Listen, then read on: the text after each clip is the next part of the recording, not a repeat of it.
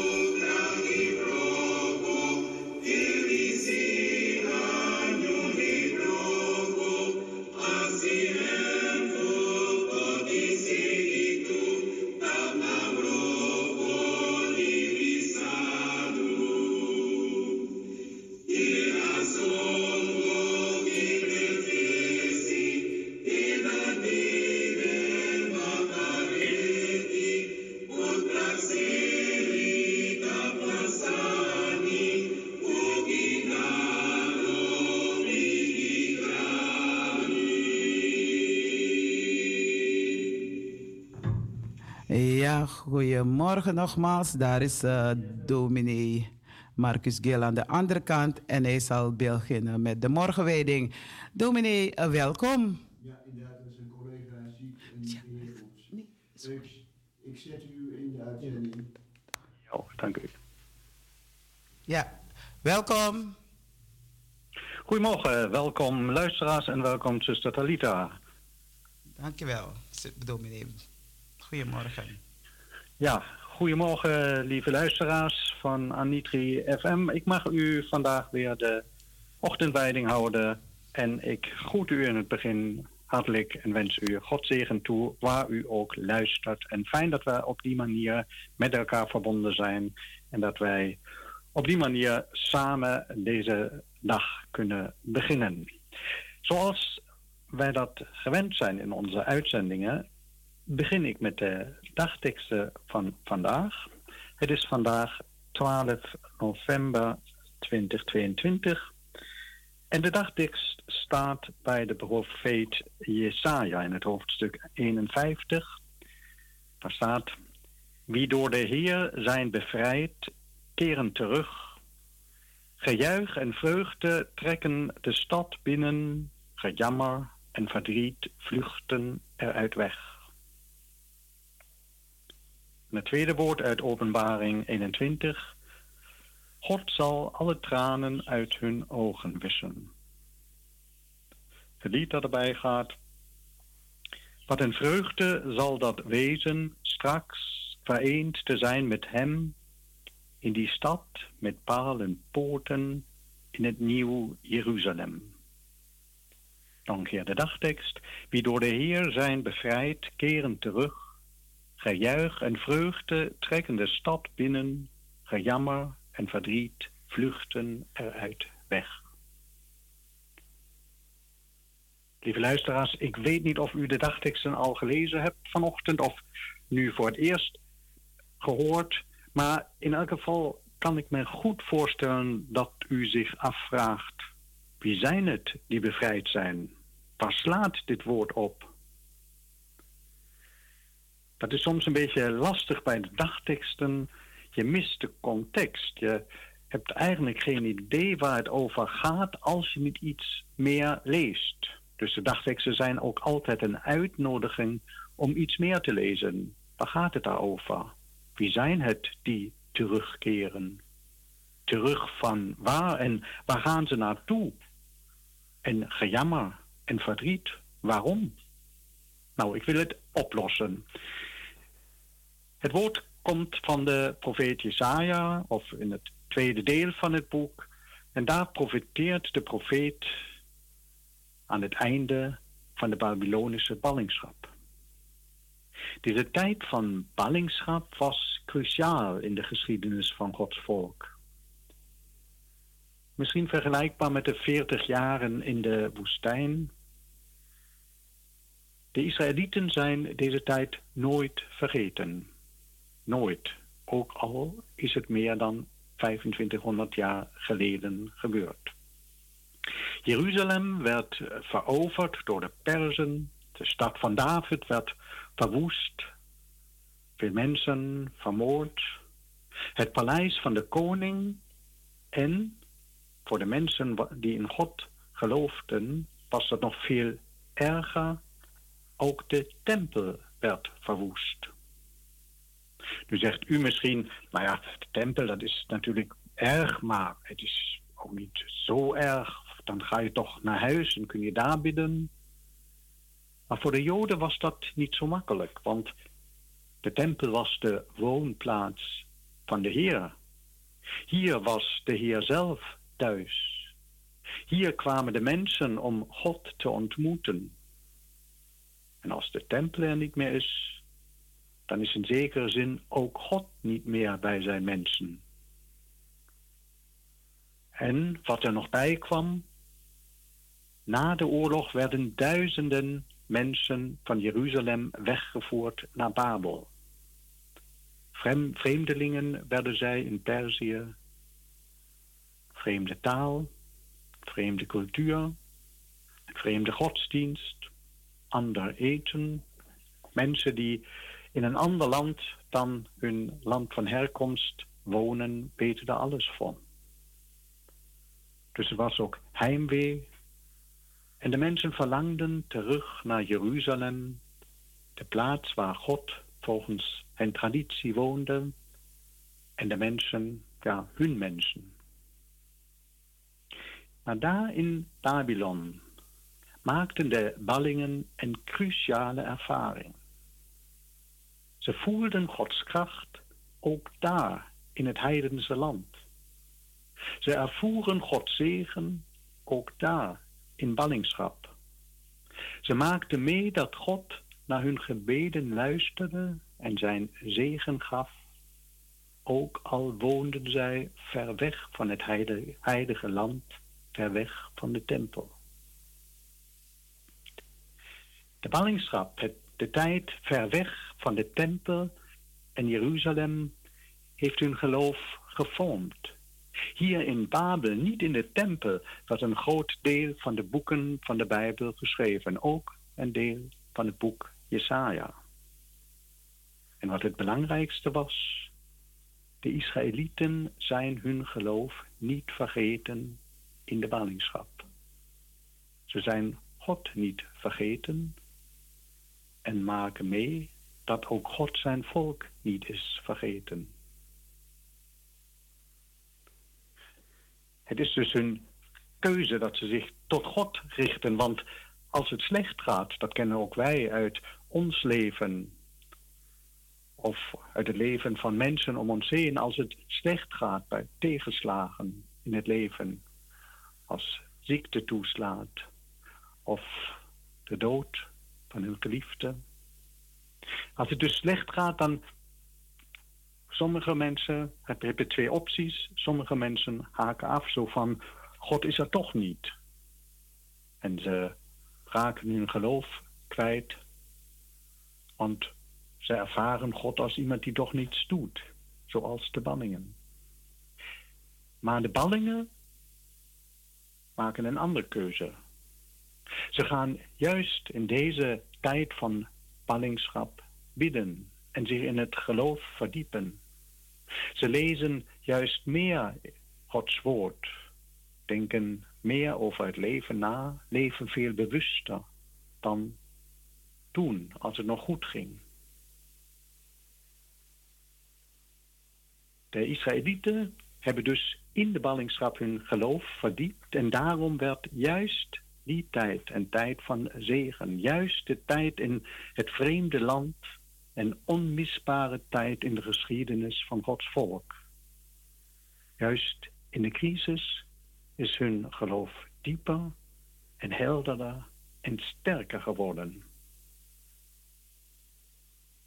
Heel belangrijk is dus dat ze in de tijd daar in het vreemde land het geloof niet kwijtraakten en ook niet het verlangen om ooit terug te keren in het land van hun voorouders, naar de stad van de tempel, naar de woonplaats van God. En dan komt het vers van vandaag. Wie door de Heer zijn bevrijd, keren terug. Gejuich en vreugde trekken de stad binnen, gejammer en verdriet vluchten eruit weg. Dit stukje is verbonden aan Psalm 126, een bekende psalm. Ik wil hem even voorlezen, want ook daar gaat het over het verlangen en het thuiskomen. Het thuiskomen naar Sion, naar Jeruzalem. Een pelgrimslied. Toen de Heer het lot van Sion keerde, was het of wij droomden. En lach vulde onze mond, onze tong brak uit in gejuich. Toen zeiden alle volken, de Heer heeft voor hen iets groots verricht. Ja, de Heer had voor ons iets groots verricht. Wij waren vol vreugde. Keer ook nu ons lot, Heer, zoals uw water doet weerkeren in de woestijn. Zij die in tranen zaaien, zullen oogsten met gejuich. Wie in tranen op weg gaat, dragend buidel met zaad, zal thuiskomen met gejuich, dragend de volle schoven. Het verhaal van de ballingen daar in Babylon is een spiegel geworden voor de ballingen van alle tijden, voor de verdrukten, gevangenen, mensen die de vrijheid wordt ontnomen, de vluchtelingen. Toen de Heer het lot van Sion keerde, was het of wij droomden. De droom van vrijheid, het lied van de bevrijding, werd het lied van bevrijden van alle tijden. Het was het lied van de slaafgemaakten op de plantages van de Amerika's. Bij het werk zongen ze de liederen van de ballingen. Het verhaal van Gods volk werd hun verhaal. God is de mensen in de verdrukking niet vergeten. Zij die in tranen zaaien, zullen oogsten met gejuich. De droom van thuiskomst heeft hen in leven gehouden in de duisterste tijden van het leven. Je mag dus thuiskomen na jaren van ballingschap. In zekere zin is deze boodschap een spiegel voor alle tijden. In tijden van oorlog, maar ook in zware tijden van het leven. Als je partner je in de steek laat, vrienden je verraden, als ziekte toeslaat en je geconfronteerd bent met de eigen kwetsbaarheid, als je geen weg meer weet en als het leven voelt alsof je in een vreemd land bent, als je naar huis verlangt, dan geeft het verhaal van de ballingen troost Want wie door de Heer zijn bevrijd, keren terug. Ook Jezus heeft dat in zijn gelijkenis van de verloren zoon verwoord. Het verhaal van weggaan, van gaan naar een vreemd land, gescheiden van het huis van je vader. Zo gaat de verloren zoon de wereld in, ergens in het land waar hij de taal niet spreekt, komt hij terecht. Maar het gaat mis en hij moet de varkens hoeden, het teken voor het vreemde land, want varkens waren onrein in Israël. Hij is dus ver weg van het huis van zijn vader. En daar besluit hij, ik zal terugkeren. En hij maakt de ervaring, hij doet de ervaring op dat, dat zijn vader voor de deur staat om op hem te wachten, dat hij een groot feest geeft. De zoon mag thuiskomen. God zal alle tranen uit hun ogen wissen, zegt het woord van openbaring. Het verhaal van de ballingen vertelt van de hoop dat ons leven omsloten is door de liefde van God. En dat wij, wat er ook gebeurt, waar, wij ook, waar ons weg ook naartoe gaat, hoe ver van het huis van de Vader wij ook zijn, dat wij altijd thuis mogen komen en dat wij ooit thuis zullen komen. En dat de Vader er staat met open armen. Daarvan vertellen wij tot aan het einde van ons leven, tot aan de grens van leven en dood, dat het einde van het leven niet het einde is, maar een thuiskomen in het huis van de Vader in het hemelse Jeruzalem. Wie door de Heer zijn bevrijd, keren terug, gejuich en vreugde trekken de stad binnen, gejammer en verdriet vluchten eruit weg want God zal alle tranen uit hun ogen wissen. Laten wij bidden. Trouw God, wij danken u dat u een goede vader bent. Een vader die zijn kinderen met open armen ontvangt. Wij danken u dat wij bij u welkom zijn, waar wij ook vandaan komen, dat wij altijd thuis mogen komen. Goede God, u hebt uw volk na jaren van ballingschap thuisgebracht. U hebt zich als God van de mensen in een vreemd land laten zien.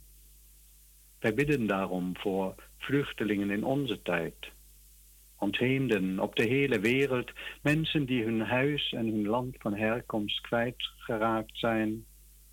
Vluchtelingen uit Syrië, Oekraïne, Centraal-Afrika, mensen die in een vreemd land moeten wonen, waar ze vaak niet welkom zijn, de taal niet spreken, waar ze zich niet thuis voelen in een vreemde cultuur, vreemde godsdienst. We bidden voor vluchtelingen op deze wereld. Om vrede bidden wij in deze onrustige tijd, om vrede op de hele aarde en om vrede ook in ons land, in onze stad ook in onze wijk, onze stadsdeel Amsterdam Zuidoost.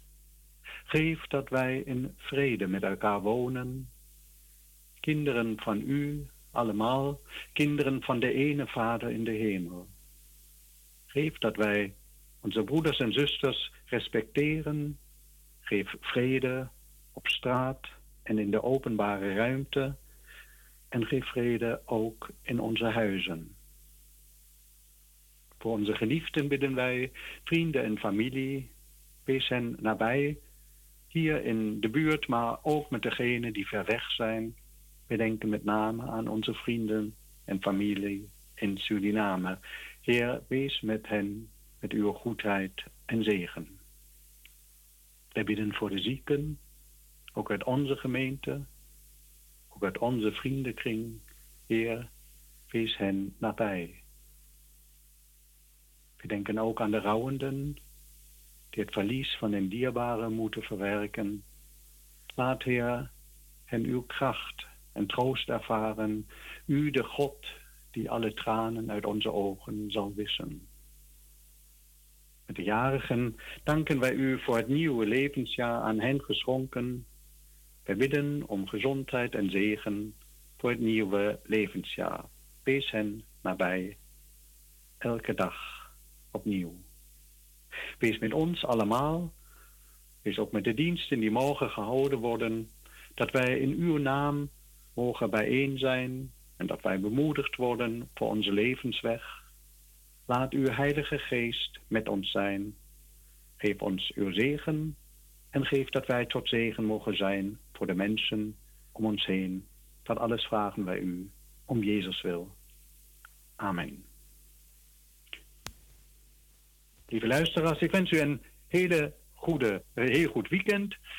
Nog even een paar mededelingen uit de gemeente. Vanmiddag is er een gemeentevergadering in Wiegikerkie voor de leden van de gemeente. Dus wij wisselen elkaar uh, ja, van mening en praten over het werk van de gemeente in besloten kring van de gemeenteleden. Morgen om 11 uur is een dienst voor iedereen. Iedereen is welkom op oudste feest in Vrokkemankerkie. Wij vieren samen dat we gemeente zijn, dat we een Heer in de hemel hebben die het hoofd is van de kerk en dat we het werk samen kunnen doen. Dan wil ik nog even doorgeven dat we over uh, drie weken een doopdienst hebben. Als u uw kind wilt opgeven, dan kan het nog net. Dus dan moet u wel snel zijn. Geef het nu op bij broeder Armand. Dan hebben we volgende week grote gasten in Wiegekerkie. Daar komt het provinciaal bestuur, financiële commissie en uh, uitgevers van de dagteksten. Dat wordt dus een groot, ja, dan mogen we de mensen rondleiden in onze wijk en mogen we hen een maaltijd aanbieden in Wiegekerkie. Dus op 17 november gasten in onze kerk. En op 3 december, dat wil ik nog doorgeven, op 3 december gaan we op reis naar Düsseldorf. Er zijn nog kaartjes, dus met de bus vanuit Zuidoost uh, gaan we naar onze partnergemeente en dan naar een kerstmarkt. Dus als u mee wilt, geef u op. Het zijn nog kaartjes voor 30 euro bij de boekentafel in Wiegekerkie. Ik wens u nog een keer een gezegende zondag. Ik wens u dat u gezond blijft en dat u Gods nabijheid mag voelen elke dag van het leven. Gods rijke zegen. Tot de volgende keer. Uw predikant Marcus Gil.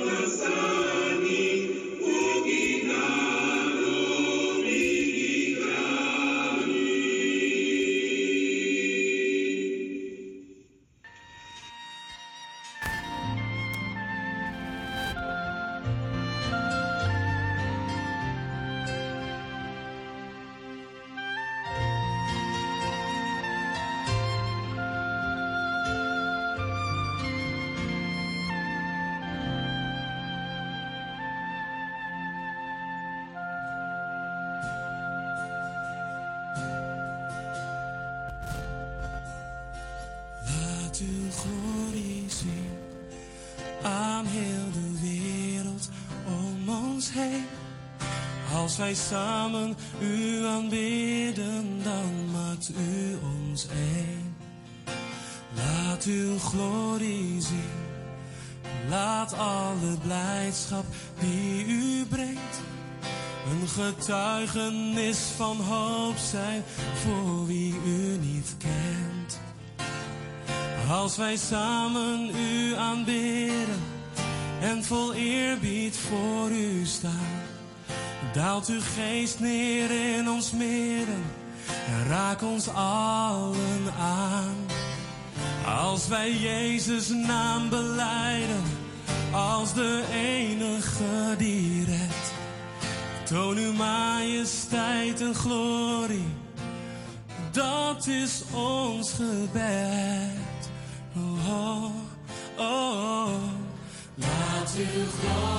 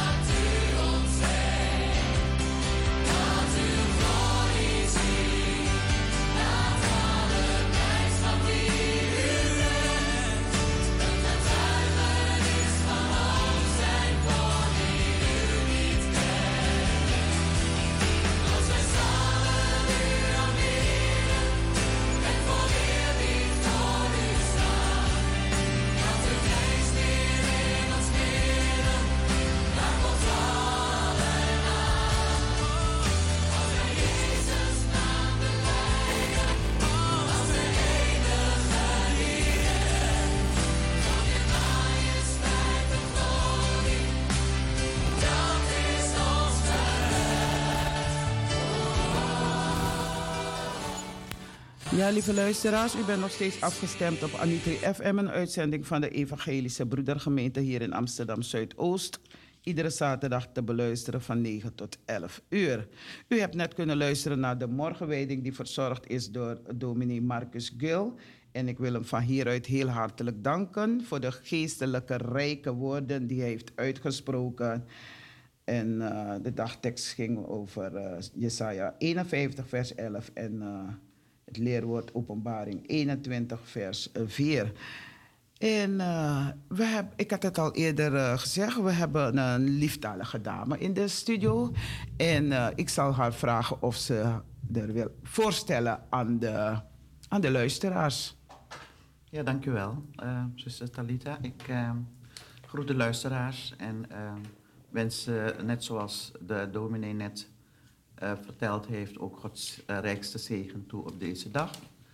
Ik heet Wil Codrington. Ik heet Willy Codrington, maar mijn roepnaam is Wil. En ik ben inmiddels 70 jaar, gepensioneerd.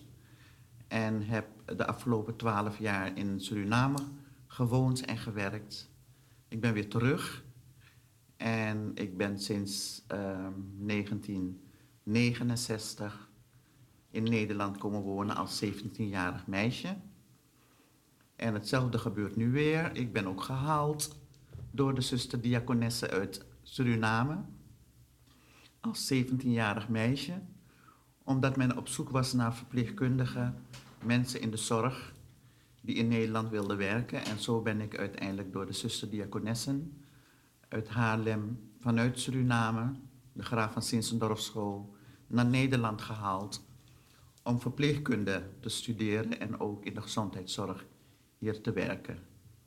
En dat is 58 jaar geleden, ben ik nu een beetje aan het optellen. Dus ruim 50 jaar geleden, zeg maar. Dat is het. Dank je wel. Eh, toen ik, eh, ik moest even bedenken, meestal bedenk ik zelf een thema, wat voor thema zal ik behandelen. Maar ik dacht, laat me die vraag toch gaan stellen, waarover mag het thema gaan? En u eh, gaf aan remigratie, diaspora en toch teruggekeerd naar Nederland, ervaring van een Surinaamse predikant als gevangenis, pastoor, vertrouwenspersoon met als vertrekpunt het levensverhaal. En ik dacht van, nou, dan maar het levensverhaal. Ehm, kunt u nog even eh, vertellen aan de luisteraars eh, eh, hoe het was om in hoe het in Suriname was? Laat me het eerst vertellen, in Suriname. Ja, dat, dat levensverhaal is ook mijn ehm afstudeeronderwerp, mijn specialisatie. Ik ben afgestudeerd als predikant twee jaar geleden op het theologisch seminarie van de EBG in Suriname. Eh, het is een theoretische en een praktische studie. En zo kwam ik eh, bij de bediening, dus als je mensen bezoekt, ouderen bezoekt. eh, ik, doe gevangen, ik ben gevangenispastoraat, dus ik kom ook in gevangenissen. Toen kwam ik erachter dat ehm, het levensverhaal van mensen, dat moet eigenlijk het vertrekpunt zijn in alles wat we doen in ons leven. Ja, En dan moet je wel één ding goed kunnen, en dat is luisteren. En de- mijn ervaring is dat we heel veel praten. Eh, de huidige eh, maatschappij is eh, hoe, hoe, hoe beter je kan praten en hoe, hoe geweldiger met allemaal termi- terminologie en mooie woorden. woorden. Maar we, we horen elkaar niet meer, we luisteren niet. Ja. En het levensverhaal heeft me geleerd, mijn eigen levensverhaal, maar ook van vele mensen die ik tegenkom, dat we moeten luisteren. En dan hoor je sommige dingen die niet gezegd worden. Dus niet wat de persoon mooi. vertelt, maar tussen de regels door wat er niet ver- verteld wordt. Dus het levensverhaal is voor ons allemaal. En dat is ook mooi wat dominee Jill daarnet eh, in de- preek, in zijn opening vertelde. Als je luistert naar het verhaal, gewoon Ja. dus niet een mening hebt, je luistert naar het verhaal. Wonen in een vreemde omgeving, vreemd land, vreemde culturen, oorlogen, onderdrukking, beperking van vrijheid, dan hebben we ongedocumenteerde. Dan trekt u dat verhaal gewoon één op één naar de huidige tijd. Oekraïne, eh, Syrië, eh, Afghanistan, al die landen waar mensen op de vlucht zijn voor oorlog. En mijn eigen levensverhaal heeft mij geleerd om op die manier naar de samenleving te kijken. Dus ik vertelde u al, ik was 17 jaar. Ik ben niet gevlucht uit Suriname. Ik ben gehaald. Mensen uit Nederland zijn naar Suriname gekomen, zijn naar de middelbare scholen gegaan Zo. en hebben gevraagd welke, wel, aan de leerkrachten gevraagd en de directeur van de scholen welke mensen zouden in aanmerking kunnen komen om verpleegkunde eh, of in de gezondheidszorg in Nederland te komen werken. Op die manier ben ik met Surinaamse meisjes, Antilliaanse meisjes en Filipijnse meisjes gehaald naar Nederland om verpleegkunde te studeren. En ik zit vandaag bij u in de studio en ik ben inmiddels predikant, Ehm, ehm, geestelijke verzorger. Ik ben moeder van twee kinderen, een tweeling Ja, van 40, boven de 40 jaar, een jongen en een meisje. En ik heb drie kleinkinderen. Dus als je dat levensverhaal volgt, dan kan daar, van daaruit kun je mensen bemoedigen met ook eh, het geest, met geestelijke voeding. Van, van waar kom ik? Wat is mij overkomen? Wat heb ik gedaan met de kansen in het leven die ik heb gekregen? Want we krijgen kansen. ja. En eh, wat betekent het geloof ook in mijn huidige leven? Dus dat is eigenlijk zoals u dat levensverhaal moet zien. En dat betekent als je bij een oudere op bezoek gaat en jij bent voortdurend aan het woord en je gaat weer weg, dan moet je je afvragen of jouw bijdrage en je aanwezigheid bij die ouderen iets heeft toegevoegd wat belangrijk is voor degene die je hebt gesproken.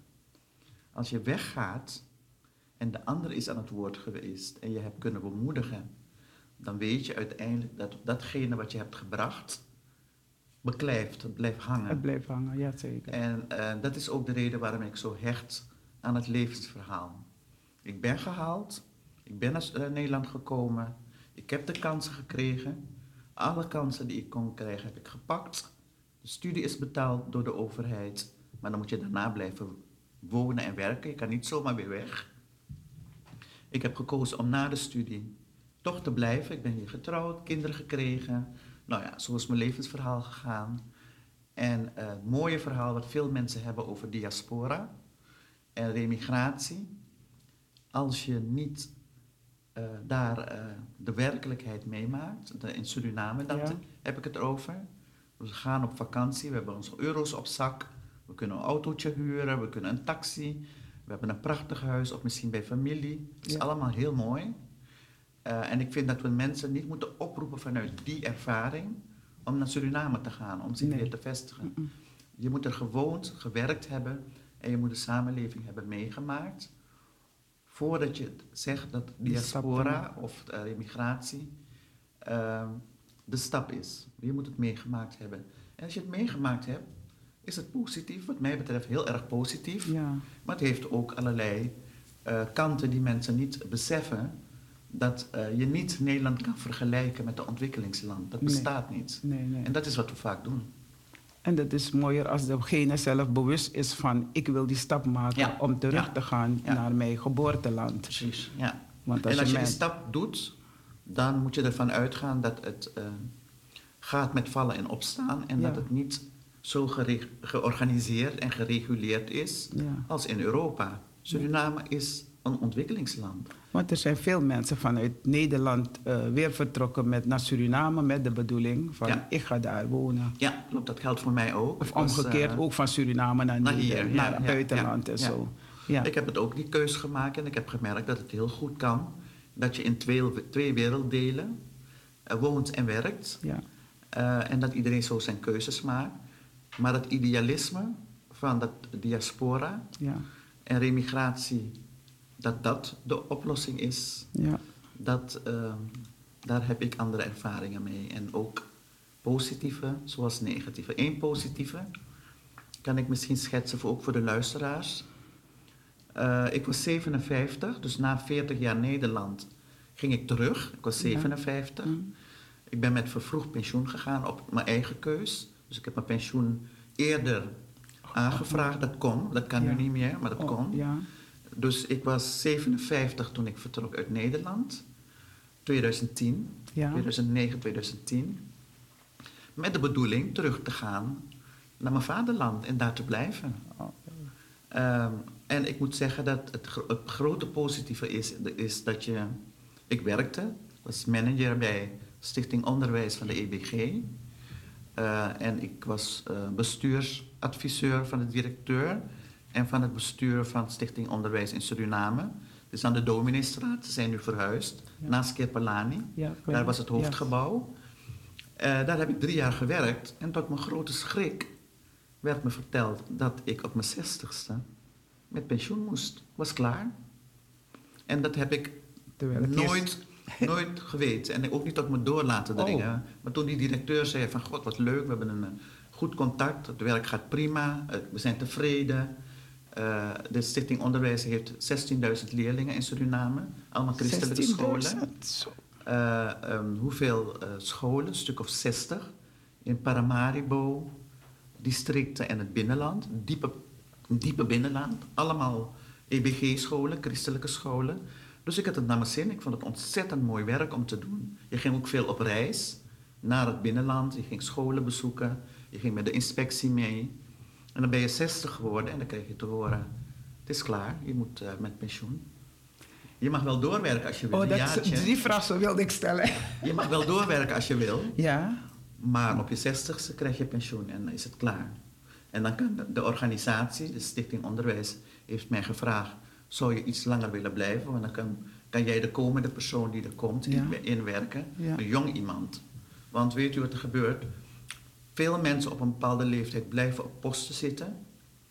En de jonge mensen in zo'n ontwikkelingskant krijgen geen kans. Nee. En die, wat doen ze? Ze vertrekken naar het buitenland, ze gaan weg. Ja, dat is Omdat wel jammer. hoor. Veel mensen heel lang blijven zitten op hun post. Ja. En ik snap het, financieel is het niet haalbaar om vaak ook te stoppen met werken. Eh, ik had het geluk dat ik een klein pensioentje had, omdat ik in de gezondheidszorg heel lang heb gewerkt in Nederland, 30 jaar. Dus ik had een goed pensioen, ik had niks te klagen. Maar dat is het positieve aan Suriname. En dan ben je 60, mag je stoppen. En dan kan je thuis gaan zitten en denken, nou ik ben klaar, maar ik ben gaan studeren. Ik ben theologie gaan studeren op het theologisch seminarie in, eh, Surina in eh, Suriname. Ik heb hier stage gelopen bij broeder Tijlen in de Koningskerk. Ja. En ik ben ook in Zeist geweest. En zo heb ik mijn ervaring eh, als het gaat om geestelijke eh, gehad. Nou, en dan word je ingezegend als je afgestudeerd bent. Ben je predikant, ben je hulppredikant. En dan loop je een jaar stage bij een gemeente. Tamenga heb ik Ja. stage gelopen. En daarna mag je eh, ja, het werk als geestelijke eh, uitoefenen. Behalve doop, ehm, heilig avondmaal, doop en dat soort zaken. Dat doe je onder begeleiding van een, een dominee. En dat werk is heel mooi werk, want ik heb gekozen voor de kant van het onderwijs. Ja, oké. En dat betekent, het onderwijs betekent les aan catechisanten, bijbelstudie geven. Dat wat de dominee net gedaan heeft, Ja. hoort ook tot jouw eh, pakket. En ik ben gespecialiseerd in gevangenispastoraat. Ik wilde mensen in nood bezoeken, met ze praten en dan uiteindelijk kijken wat kunnen we samen doen zodat de persoon inziet dat de keuze die gemaakt is niet de keuze is die de Heer wil. En dan op die manier de persoon begeleiden. Ook nadat ze uit de gevangenis komen, zorgen dat ze eh, ja, goed netwerk hebben en dat ze niet Goed, weer net terugvallen. terugvallen. Want dat Ja. gebeurt heel vaak. Mm. Hè? In Nederland spreken we over draaideurcriminelen. Ja. Maar ja, wat wil je als je mensen uit de gevangenis vrijlaat? En ze hebben nergens te wonen, geen, geen werk. waar denk je waar ze naartoe gaan? Dan gaan ze hun vrienden weer opzoeken. En eh, samen met de Nederlandse ambassade in Suriname hebben we dan een plan ontwikkeld van als ze ontslagen worden uit de gevangenis, dan moet je zorgen dat er een vangnet is voor huisvesting, eh, Werk. werk of een uitkering om te beginnen, daarna werk.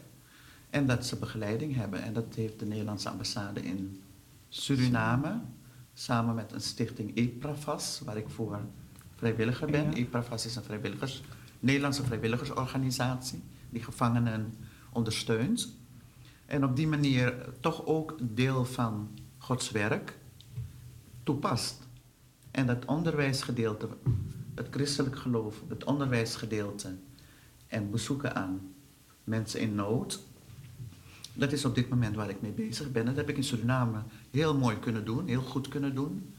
En dat doe ik nu vanuit Nederland eh, op, eh, dit, op deze wijze, zodat ik één keer in de drie maanden eh, gevangenen kan bezoeken. Ook in Suriname, want je bent daar weg, maar Ja. als je familie daar woont, ben je niet weg. Nee. nee. Mijn moeder woont in Suriname. Ja. Dat is een oudere dame, dus dan ben je niet echt helemaal weg. Dus de bezoeken die ik afleg, combineer ik met familiebezoeken. En in Europa word ik binnenkort in Spanje gestationeerd. Moet ik daar mensen bezoeken. Wow. Want de Nederlandse gevangenen zitten over de hele wereld. Ja, zeker. Dat is eigenlijk de reden waarom ik het, het vertrekpunt van het levensverhaal koppel aan immigratie, remigratie. En ehm, niet zo makkelijk meer mensen oproep dat we als diaspora terug moeten gaan om daar iets te betekenen. Want in Suriname zit men echt niet op ons te wachten. Dat is in elk geval mijn ervaring. Dat is de, de negatieve kant. Dus je denkt, ik ben jaren weg geweest. Ik ga nu mijn schouders zetten onder de processen in mijn eigen land. Maar nu zit ik hier voor u. Ja. Een hele enthousiaste persoon die twaalf jaar geleden ook dacht van ik ga mijn schouders eronder zetten. Ja. Maar het mooie verhaal van de diaspora heeft twee kanten. Ja. Het heeft een positieve kant, En die wil ik zeker benadrukken, want, Ja. eh, maar het heeft ook een negatieve kant. We zijn niet altijd welkom. Ja, we zijn niet welkom en wij als diaspora, we, eh, die, die samenwerking, die samenkomst. Ik ben ook al jaren mee bezig. Ik heb één keer een vergadering bij elkaar geroepen van laten we hierover praten. En het is bij die ene keer gebleven. En nee, ik heb zelf een groepsapp. Op een gegeven moment heb ik laatst heb ik heel veel weer eruit gehaald Ja, uit die dat wordt niet gebundeld. Het wordt niet gebundeld, Nee, er wordt niet nee. gesproken erover. Het wordt, ik vind het wel jammer. Ik vind het triest. Nou, ja, nee, volgens mij heeft het twee kanten. Het is. ehm, mensen zijn gedwongen door ook de, de, het leven in Europa. Eh, we zijn heel erg op onszelf. Iedereen Ja, wil zijn zeker. eigen ding doen. Eigen ding doen, dat klopt. En eh, is niet bereid om samen te werken. Dat is onze grote makke. Hè? We, zijn als Surinaamse gemeenschap. Kijk u naar, kijk u naar lo- lokale radio en televisie. Ja, Ik ben in de gemeenteraad actief geweest. Ik, was, ik ben Dat lid van. GroenLinks geweest, dat in de gemeenteraad van Amsterdam. En we hebben ons samen met Elvira Sweet en een paar andere mensen hard gemaakt tijd ken ik. om de lokale ra- radio plek te geven binnen Salto, maar ook binnen gewoon het bestel van radio- en programmamakers. Het is nog steeds versnipperd. Ik kijk nu terug. Ik praat nog ook erover. Ik zeg van, Het is nog steeds onze radiomakers, We waarom komen die bij elkaar? Dan kan de ene een thema eh, belichten, focussen op één thema, de andere focust op dit. Eh, en maar uiteindelijk één keer per drie maanden, je hoeft niet elke maand bij elkaar te komen. Nee. Maar één of twee keer per jaar een gezamenlijke bijeenkomst en echt bundelen om een aantal thema's die in de samenleving spelen, eh, om, aan- om die aan te pakken. Maar het, het lukt niet en ik heb ook Maar uiteindelijk het opgegeven. Ik doe waar ik een bijdrage aan kan leveren, focus ik.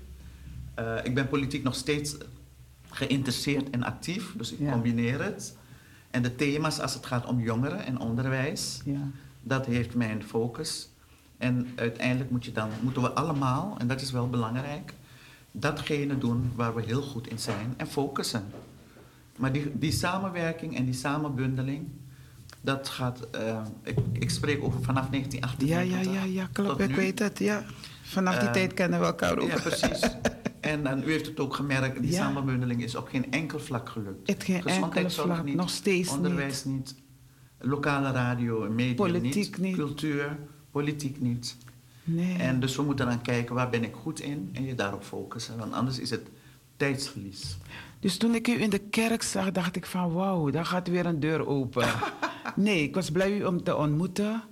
En eh, ja, ook blij dat u nou hier tegenover Ja. ons eh, bent en zo. Je moet gewoon je, bijdrage leveren op dat vlak waarvan je denkt, hier ben ik goed in, hier kan ik een bijdrage aan leveren. En ik heb ook geleerd in de jaren in Suriname, het hoeft niet allemaal snel. Nee. Rustig, ik heb ook daar geleerd om de basisdingen, je basis, goede fundament. goede fundamenten te Ja. hebben. We kunnen niet alles hebben, we kunnen niet Nee, alles nee, doen. nee, nee, nee. En eh, ik ben ook trager geworden. Ja, ja, je wordt, we worden ouder, ik merk het ook. eh, vergeetachtig. Ik zit hier in het verkeer, zit ik in de auto. Ja, ja, ja. En dan denk ik, Oh, dat Wat je wordt snelheid, hè? opgejaagd. Ja, Eh, iedereen heeft haast. Terwijl Suriname niet. Mensen hebben, nou ja, Suriname is Ook- wel. maar op een andere manier. Meneer, ja. Mensen hebben geen geduld meer met elkaar. Alles is een probleem.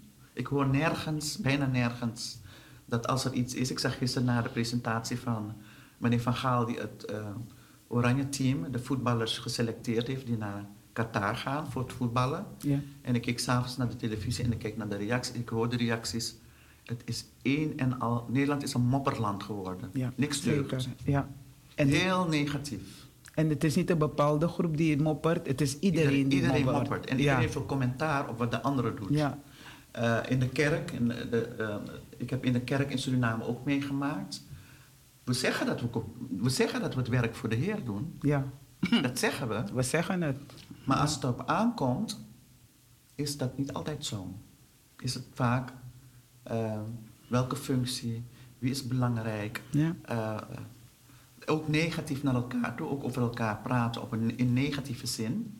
Dus het is niet alleen in de samenleving zo, het is op alle, alle niveaus zo, in de politiek, in de kerk. En wij als mensen moeten zorgen dat we het goede voorbeeld geven. Want als je zelf het goede voorbeeld niet geeft, je bent onderdeel van discussie, geroddel, gemopper, hoe willen we dat de Heer zijn werk doet? Dat is een, een dure les voor heel veel mensen. Ik heb pas een synode meegemaakt in Suriname, want ik zat in het synodebestuur. Ja, Ik was eh, lid van het provinciaal bestuur. En dan ben je voor drie jaar gekozen. Maar door COVID moesten we, heb- hebben we langer aangezeten. Dus ik Ja. heb vijf jaar in het provinciaal bestuur gezeten. En dan merk je dat verkiezingen van nieuwe leden, nieuwe mensen, dat het hetzelfde is als in de politiek. ja dat, eh, En dat, heb ik, dat, dat had ik niet zo op mijn netvlies. Van de politiek weet ik het. Dat je dan uiteindelijk, zoals nu de provinciale statenverkiezingen komen eraan, Ja. in maart volgend jaar, dan moet u eens kijken wat er binnen de politieke partijen allemaal gebeurt. Maar in de kerk is het gebeurt net het zo. ook. Het gebeurt ook. Ja. Daar zijn mensen. Dus overal waar mensen zijn, eh, is eigenlijk dat gedrag om uiteindelijk, ook al zeggen we dat het voor de Heer doet en dat we in de wijngaard van de Heer Ja, werken, merkt u hetzelfde gedrag, want daarom zijn we ook mensen, van toch, eh, ja, willen wedijveren met elkaar. Maar als je zegt, Ze zeggen net als krabbo in ja, eh, als je zegt dat je een kind van God bent en dat Ja. je eh, iets binnen de kerk wil doen en een bijdrage wil leveren aan de samenleving, dan is het heel moeilijk te verteren voor anderen die naar ons kijken Ja, eh, om ons te volgen. Want als je hetzelfde gedrag vertoont als wat we in de wereld zien gebeuren, is het lastig om mensen te overtuigen. en dan zijn wij de ouderen. En wat geven we mee aan de jongeren? Dus we gaan even naar de muziek luisteren. En eh, ik geef de luisteraars de gelegenheid om te eh, bellen, om te reageren of een vraag te stellen. Dat mag alleen tijdens een muziek. Ze weten het van alleen.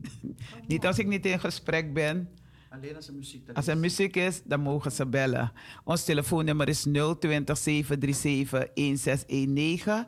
En eh, na die muziek, dan eh, zullen we verder gaan. Ik wil nog, toch nog even stilstaan bij de jongeren in de gevangenis.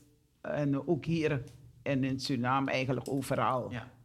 Hoe gaan wij verder? Want wij zijn, eigenlijk zouden een voorbeeld moeten zijn voor de jongeren. Hoe helpen we ze? We luisteren naar de muziek. En daar zorgt onze brada Fred Bender voor.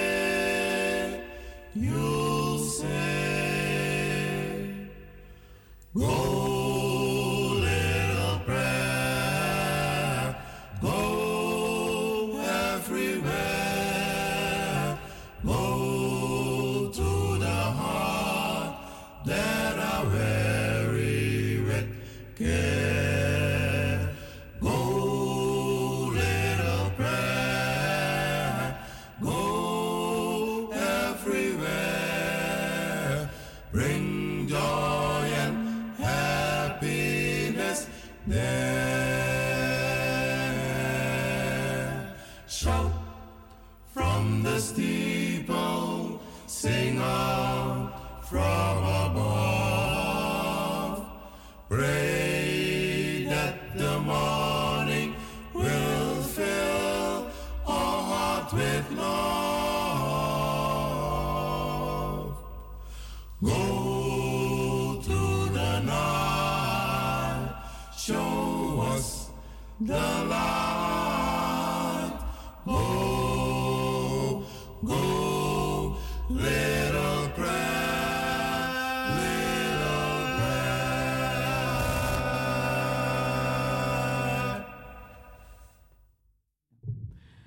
Ja, lieve luisteraars, ik had u de gelegenheid gegeven om te bellen, om te reageren of een vraag te stellen.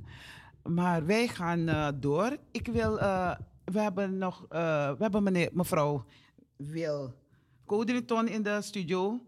En ik wil even stilstaan, of we zullen even stilstaan bij de jongeren En voornamelijk de jongeren die in de gevangenis zitten. Hoe kunnen wij de jongeren helpen?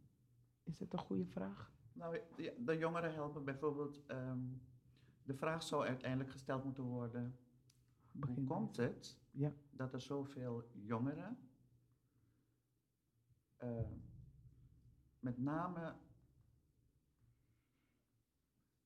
Nederlandse jongeren, Ja, Surinaamse komaf, misschien moet ik op die manier het zeggen. Hè?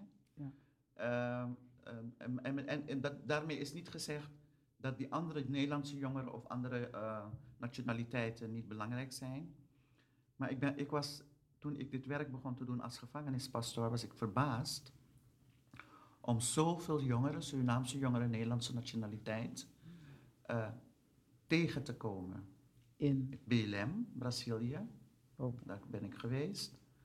Ehm, Frans-Guyana, Cayenne, daar bezoek ik eh, ook gevangenen. Ehm, Suriname, Santa Boma heeft twee gevangenissen. Suriname heeft twee gevangenissen, Santa Boma 1 en Santa Boma 2. En dan hebben we de gevangenis, de eh, cellenhuizen van de eh, politieposten, cellenhuizen. Oh, heb ik eens gezien hoe Ja. vol ze zitten. Daar zitten dus ook veel jonge mensen. En eh, die vraag die u stelt, wat moeten we doen om onze jonger- jongeren te helpen?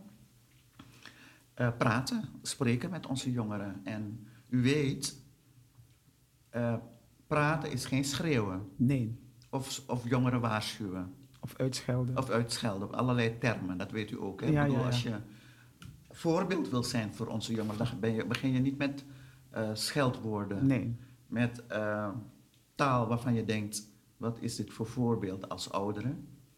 Maar ook die, het luisteren waarin ik, waarover ik het heb. ja. Want als ik een jongere tegenkom, als ik een Surinaamse jongere in Cayenne tegenkom, en mijn eerste vraag is altijd, ik kom niet om te horen wat je hebt gedaan, want dat is, ik Nee. ben- we zijn getraind. Ja, Dus je gaat niet daar naar de gevangenis om te horen wat die persoon heeft gedaan. Maar je vraagt aan de jongere om iets te vertellen over zijn gezin. En u kent, u kent, de, bekende op, u kent de bekende opmerking van Jurgen Rijman. Wie is je vader, wie is je moeder? ja, Dat, dat doe je natuurlijk als geestelijke niet op die manier. ja. Maar je vraagt ze om iets te vertellen over hun familie. Ja.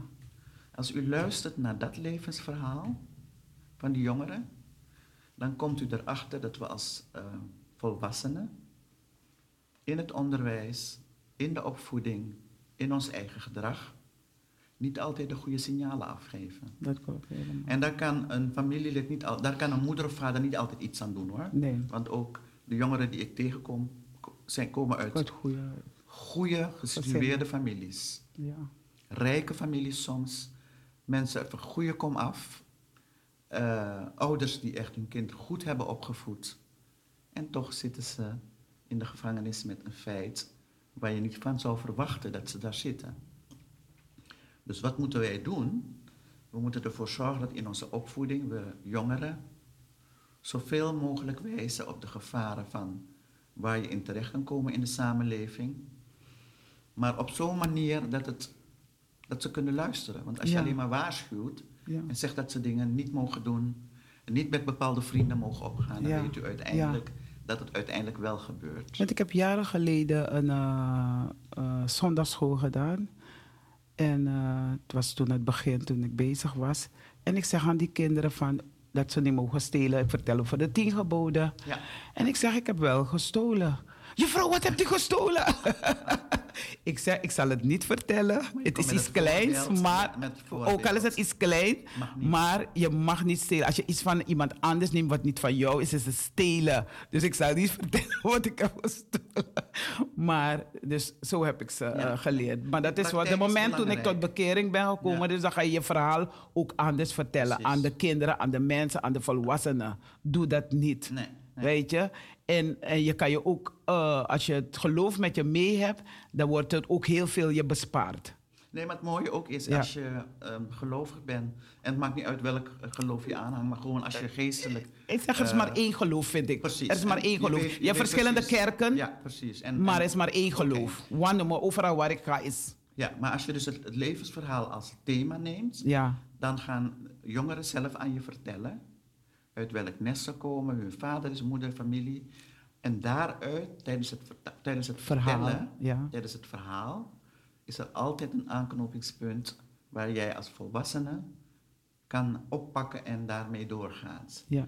Alleen de eerste twee keren dat je komt, begin je niet meteen met prediken en het geloof en de Nee, nee, Bijbel. nee. Wat je doet is Klopt. eerst gewoon ze aan het woord laten. Ja. En weet Een u, dat, luisterend oor. weet u dat de meeste Surinaamse jongeren die ik tegenkom in de gevangenis beginnen te vragen: Heeft u een Bijbel? Oh, Eh, mooi. ik ben, en weet oh, ik heb het gelezen in uw stuk, ja, Ja. klopt. Eh, heeft u een Bijbel bij u? Wilt u voor me bidden? Eh, en als je vraagt, maar waarom vraag je mij dat? Wat, wat gaat het voor je betekenen? Dan kom je erachter dat de meeste jongeren, waar ook ter wereld je ze tegenkomt, vaak vanuit de opvoeding toch iets hebben meegekregen. Vanuit een bepaalde geloofsovertuiging. Ja, zeker. Of ik nou een Mohammedaan voor me heb, of een Hindoe, of een eh, Nederlandse jongen, want ik kom ook Nederlandse jongens tegen. Meestal komen ze uit een nest, een familie, Religieus. waarbij religieus eh, iets gegeven is aan die kinderen. Ja. En als je, dat, als je dat hebt gegeven aan een kind, net zoals u aan die jongeren vertelde, je mag niet stelen, maar ik heb dat ook gedaan, het blijft altijd hangen. Ja. Frans-Guyana, daar spreken de meeste mensen van de gevangenis Frans. Ja. Dus je moet wel een beetje iets van Frans, Frans. kennen. Mijn Frans is niet zo geweldig, maar... Maar de taal in de gevangenis, als je bij Nederlandse gedetineerden komt, is Nederlands. Als je bij Surinaamse gedetineerden komt, Nederlands. Nederlands. Als je bij Maron-jongens, jongens uit het binnenland komt, is het Nederlands, Saramakaans of Okaans. Dus je kunt elkaar waar ter wereld je ook gevangenen bezoekt, als het om Nederlandse gevangenen, elkaar altijd verstaan. Je moet alleen zorgen dat je met de autoriteiten van dat land, zoals nu, als ik naar Spanje zou gaan, dan moet ik mijn school Spaans een beetje ophalen, zodat ik met de gevangenisbewaarder en de directie wel wat kan wisselen. Wisselen, aan- ja, maar de, de jongens en meisjes, de vrouwen en mannen die je bezoekt, die spreken de taal. Terug En- te komen op uw vraag, wat moeten wij doen? Eerste wat we moeten doen is zelf het voorbeeld zijn voor onze kinderen. Ja. En dan moet ik zeggen, sommige mensen komen door de pech, door met wie ze in aanraking zijn Komen. geweest of gekomen eh, met eh, criminele activiteiten in aanraking. De meeste jongeren die ik bezoek en die ik tegenkom in de gevangenis, is drugsgerelateerd. Maar soms ook onder dwang, hè? Soms is- zijn ze onder dwang iets gevraagd. Soms heeft iemand gezegd, ik ga je koffer inpakken. En dan ben je 16, 17, 18 jaar, je studeert nog. Je ouders hebben je zodanig opgevoed Hmm. dat je Oh. weet dat je dat zelf je koffer moet inpakken. Maar door verliefdheid op die jongen of eh, die man heeft je geld geleend. Soms zijn het ook schulden die mensen hebben. Onze jonge mensen hebben heel veel schulden. Schulden. Dat iemand dan tegen je zegt, je kan dat pakketje daar afgeven, die meneer komt het bij je halen. Je hoeft niet te weten wat erin zit. Ik geef je alvast 5000 euro. En als het geleverd is en het is goed gegaan, nog een keer 5000. En u weet dat deze verleidingen, Ja, om in een korte tijd 5 tot 10.000 euro te verdienen, ja. voor heel veel mensen moeilijk is. En dat oordeel, en dat is eigenlijk het levensverhaal, dat oordeel laten we aan iemand anders. Want meestal zijn die jongeren al veroordeeld. ja. Ze zijn eh, hun studie een beetje kwijt. Ze bouwen zelf weer een schuld door de studiefinanciering die niet Oh, dat is gestopt is. jongen. Blijven ze zitten. Dus ze moeten hun studie overdoen of ze moeten dan nog een jaar overdoen. Hun familieleden moeten zorgen dat die ticket betaald wordt als ze vrijkomen en dat ze terug kunnen naar het land van herkomst. En je hele leven en dat van je familie ligt overhoop van je broertjes en zusjes, alles. En dan komt nog iemand naar je toe om je te bezoeken en die gaat een oordeel uitspreken. Dus we hebben, we hebben geleerd in dit vak, en ook als mensen moeten we dat leren, het oordeel is niet aan ons. Wij oordelen Nee, niet. nee, nee. Eh, want de- mensen zijn al gestraft, worden al gestraft, weten niet hoe ze eh, hun leven verder moeten oppakken. Het enige wat je, wat je doet als gevangenisbezoeker, ook als u dat zou doen of u, is luisteren naar het verhaal. En daar waar je iets kan bijdragen, dat ze inzien dat de keus die ze hebben gemaakt, jammer genoeg niet de keus is die gemaakt zou moeten worden, maar dat je werkt aan herstel. Er is een Dus herstel is het Ja. eh, is eigenlijk het codewoord. Je moet werken aan herstel. herstel. Ja. En Dat is- christenen moeten leren om te luisteren. Ja. We luisteren niet. Nee, nee. Was We willen meer spreken een, dan eh, luisteren. Precies. Ik weet niet waar ik... Oh ja, ik was naar een eh, troostdienst. Niet in een kerk in Amsterdam, buiten Amsterdam. Een EBG-gemeenschap. En als u weet hoe druk het was met mensen, maar ook, er was geen stilte. Er werd voortdurend tussendoor door mensen gesproken. Mhm. En toen kwam ik erachter dat wij, eh, we hebben een praatcultuur, hè? oraal, Ja. praatcultuur. Mhm. Wij moeten leren en onze kinderen ook leren dat luisteren belangrijk is om uiteindelijk datgene wat we doen en laten, om daar achter te komen. Dus we moeten onze jongeren opvoeden in de, in, meer in de zin van dat wij een luisterend oor zijn voor hun.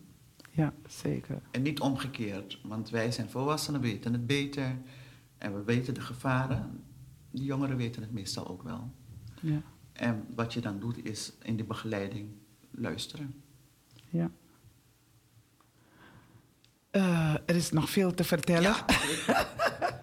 nou ja, misschien kan ik eh, u ook. Het is eh, heel mooi, want ik had een paar punten nog, maar... De geruststelling moet zijn dat waar we ook wonen, als het nou in diaspora is, of we zijn geremigreerd, of we zijn terug in Europa, belangrijk is die verbondenheid met elkaar. verbondenheid, zeker. En ook ehm, openstaan voor het leed en de nood van anderen. ja, Want we hebben, het, vooral. we hebben het echt niet zo slecht in Europa. Tuurlijk, we maken moeilijke tijden mee. Ja, Maar als u ziet wat er in andere landen gebeurt... is het nog erg. en naar jongeren kijkt, hoe ze moeten Ja. wonen, eh, leven... Ja, en de onderwijssystemen... dan moeten we datgene wat we hebben... daar moeten we gewoon dankbaar voor zijn. En minder mopperen, minder klagen... maar tevreden zijn met datgene wat je hebt. Dat is heel belangrijk. zeker. Ik vind het eh, zo bijzonder dat u dit allemaal... Het is een gave wat u hebt gekregen. Een bijzondere gave. Dank u wel, ik ben er En- dankbaar voor. Ja. En ik wil u toch nog eh, heel eh, veel ja, meer succes toewensen. God zegen. Dank u wel. Ik had nog een paar vragen, maar dat kan wel ook op een andere keer komen. Ik had eh, wel geschreven, hoe is het om op een christelijke school te werken? Mhm. We kunnen ook een keer over het onderwijs, het thema, Ja. als we binnen het onderwijs erover praten. Want christelijk onderwijs in Suriname en hier, eh, ja, dat zijn, er zijn verschillen, maar er zijn ook overeenkomsten. En eh, wat breng je onze kinderen bij? Wat is het bijzondere? Wat Ja. voegt het toe Ja, ja. aan het algemeen onderwijs? Daar kunnen we een keer over praten. En die andere vraag die ik had, was ook wie op, of welke instantie vangt ze op als ze vrij zijn? Oh en dat heb, ja, eh, De reclassering in Nederland is er. Het, het jammer is, en dat doet, mij, dat doet mij pijn, het jammer is dat het, het werk wat ik doe voor Nederlandse mensen, jongeren zijn. Als ik in Santa Boma kom en er zit daar een Surinaamse jongen met een Surinaamse nationaliteit, die krijgt geen bezoek. Wat? Oh ja, want er zijn, die mensen kennen hem niet. Die mensen, hij krijgt Of bezoek- tenminste, Ze krijgen bezoek van hun familieleden. Maar dat werk wat eh, de Nederlandse ambassade doet voor jongeren met een Nederlandse nationaliteit, nationaliteit. is niet het werk wat de Surinaamse overheid doet voor jongens met een Surinaamse Mm. nationaliteit. Dat is moeilijk. Dus soms Oh. zegt een van de jongens, die zegt van, eh, oh u bent er, maar er zit, bij iemand, er zit bij mij iemand op een cel. Ze zitten vaak niet alleen op een cel, hè. Vaak Nee, zitten nee, ze met zoveel. Dat is een ander verhaal. Ja. Eh, en dan zegt zo'n jongen, maar er zit bij mij iemand op de cel en eh, die heeft het heel moeilijk, die krijgt ook geen bezoek en die is een christen. Ja, dan ga ik daar niet als pre- predikant zeggen, nee, maar ik, doe alles, ik, doe al, ik kom alleen voor de jongens met een Nederlandse nationaliteit. Dat wordt financieel niet vergoed, Nee. want de subsidie die eh, de Nederlandse overheid via buitenlandse zaken aan mensen in buitenlandse gevangenissen geeft, is niet voor de jongens met de nationaliteit van het land. De Surinaamse overheid moet zorgen voor hun ouderen, voor hun jongeren en ze moeten ook zorgen dat er opvang is voor Surinaamse jongeren die door problemen in de gevangenis terecht zijn gekomen. En dat is heel pijnlijk. Dus het bezoek, resocialisatie heet het met een moeilijk woord. Wanneer jongeren hun straf hebben uitgezeten, dan wordt ze door de Surinaamse overheid het land uitgezet. Want ze hebben een Nederland, Nederlandse Nederland nationaliteit. nationaliteit, ja. Meestal wonen ze ook daar niet. Ze hebben meestal familie. Dan worden ze het land uitgezet. Onder begeleiding worden ze het land uitgezet. En die mogen een aantal jaren niet meer in Suriname komen. In Frankrijk, in Frans-Guyana is het zo, dan mag je tien jaar niet meer op Frans grondgebied komen. In Suriname is het vijf jaar. Maar wat de Nederlandse overheid geregeld heeft, dat is het werk wat ik doe, is wanneer ze vrijgelaten zijn, ze komen hier aan, dan is er opvang als het gaat om een huis, een kamer, leger des heils, in elk geval familie soms. Je mag bij je familie teruggaan. Maar je, je wel melden bij de overheid, stadsdeel of bij de gemeente om op zoek te gaan naar werk en eh, huisvesting. En er is altijd begeleiding. Niet iedereen maakt daar gebruik van, maar de Nederlandse overheid heeft het geregeld dat dit werk wat ik doe mogelijk is.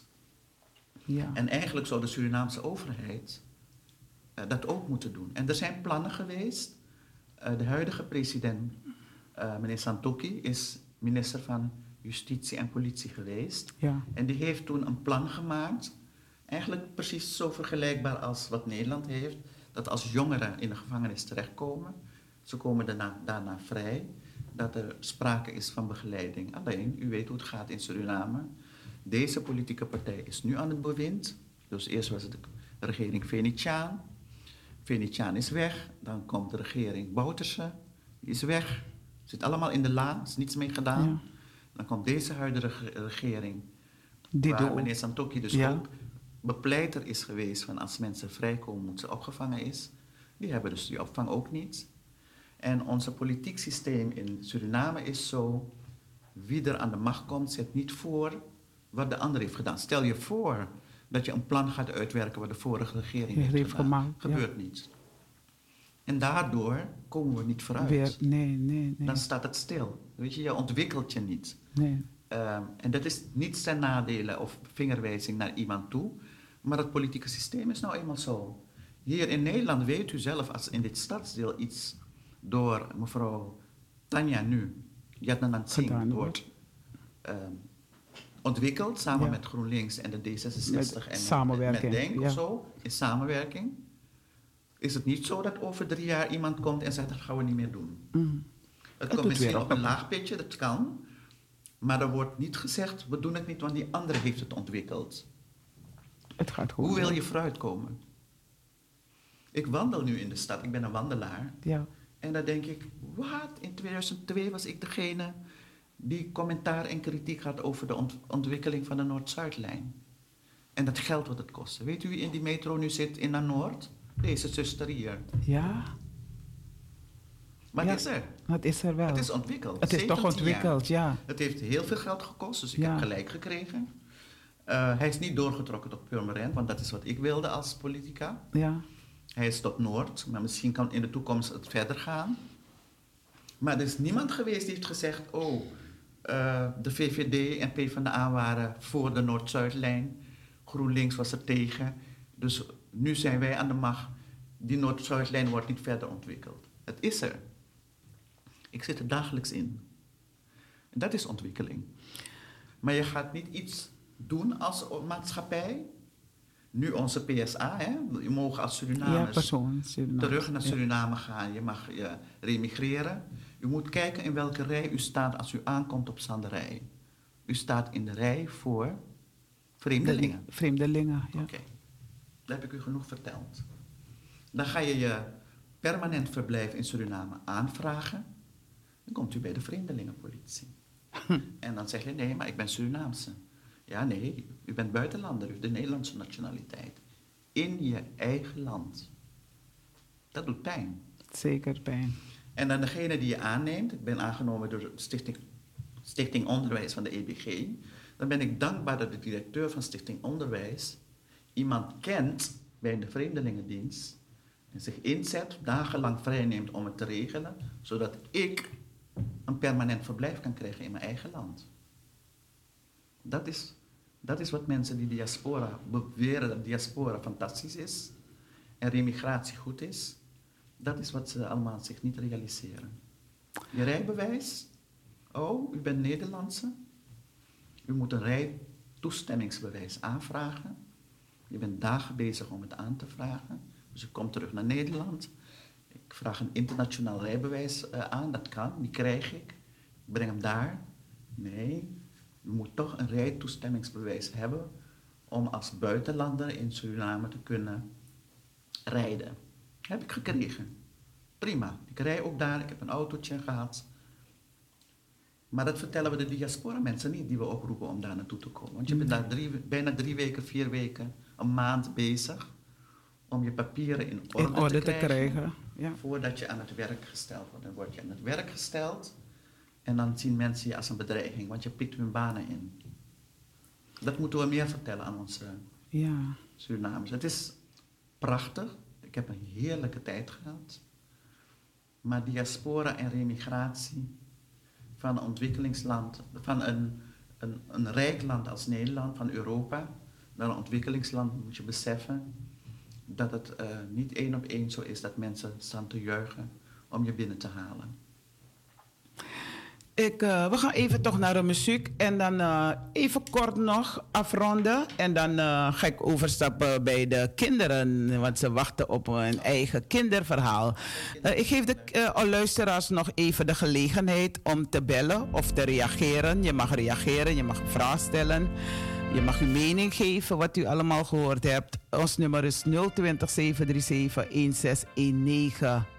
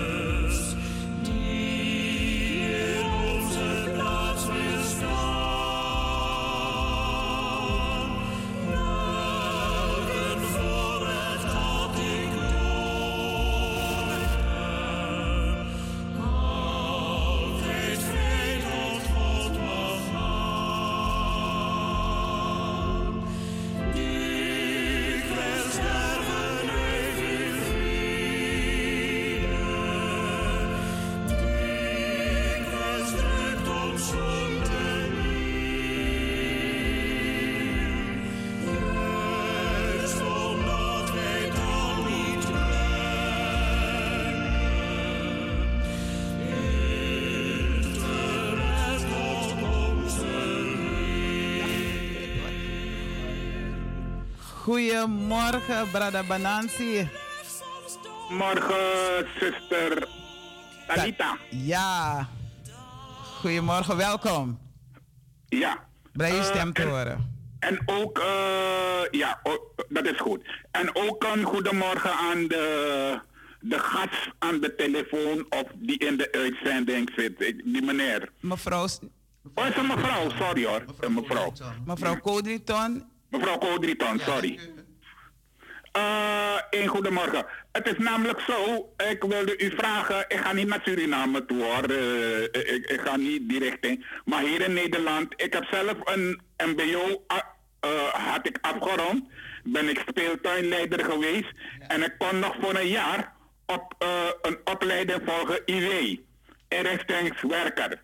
En die geeft bevoegdheid dat als je in een inrichting wilt werken zoals eh penitentiaire dienst, dus de, de. Ja, gevangenis. En eh, toen der tijd had je de Bijlmer baaiers, daar zo op eh, voorbij Amstelstation. En dan had je ook verder ergens in Zuidoost, had je voor de jongeren Lloyd's Hotel. Is dat bekend bij u? Ja, dat is zeker bekend. Ik weet niet of het Lloyd Hotel nog steeds op die Nee, het is er niet meer. Het is er niet meer. Zoals de Ja. Bijbelbaaiers er ook niet meer is, Nee. niet, die bestaat er ook niet meer. Nee. Maar ik, eh, voordat ik naar de IW mocht, hadden we een dagje dat we een eh, oriëntatiebezoek konden brengen in de baaiers. En u moet me, je mag niets vertellen. Je mag niet, bijna mag ik dit ook eigenlijk niet vertellen. Misschien mag ik dit ook niet vertellen. Maar toen ik er ben geweest die dag, daar in de Bijlmer Baaiers, schrok ik ervan van het aantal, dus als ik over het geheel aantal kijk, eh, mensen die gestraften, en ik keek, zag ik meer mensen die op mij leken, donkere. En ook zijn we geweest een keer naar Lloyd's Hotel bij de jongeren. Daar zou ik nooit willen zijn hoor. Maar daar zag ik ook het verschil. Zitten we hier in Nederland 17 miljoen me- mensen die woonachtig zijn in eh, Nederland. En dan als ik daar keek in het Lloyd's Hotel, dan zag ik alleen maar mensen die ook, jongen, jongeren, die ook op mij leken.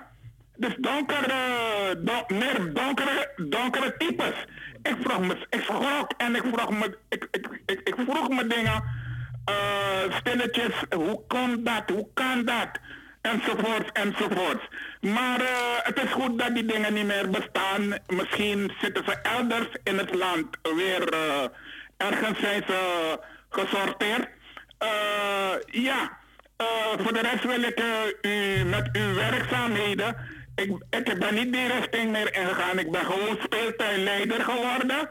En ik ben eh, God dankbaar daarvoor. Ik heb, van, ik heb met alle soorten van, kind, alle soorten van kinderen heb ik gewerkt. Eh, ik ben er blij mee. En eh, ik zou u sterkte willen wensen. U mevrouw Kodritan, sterkte willen we- wensen met het werk dat u doet.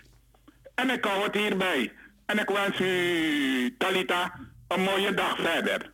Grand Tangi Banansi en Alsjeblieft. voor je bijdrage. Ja, dank, u wel, dank u wel, meneer Banansi, eh, ook voor uw reactie. Eh, voor mij is het ook elke keer schrikken, waar ter wereld ik ook kom, om zoveel mensen aan te treffen in gevangenschap. En het, het klopt van die periode waar u het heeft, over heeft, een eenzijdig beeld van welke etniciteit, welke nationaliteit tref je aan in de gevangenissen. En dat was ook mijn reactie toen ik buiten Suriname op eh, bezoek ging. Eh, was het ook mijn schrikreactie om tegen te komen. Veel van onze jongens en meisjes uit de Surinaamse, Antilliaanse, Marokkaanse gemeenschap, die eh, uiteindelijk in de gevangenissen zitten. Eén opmerking is, eh, het is een eenzijdig beeld wat u krijgt.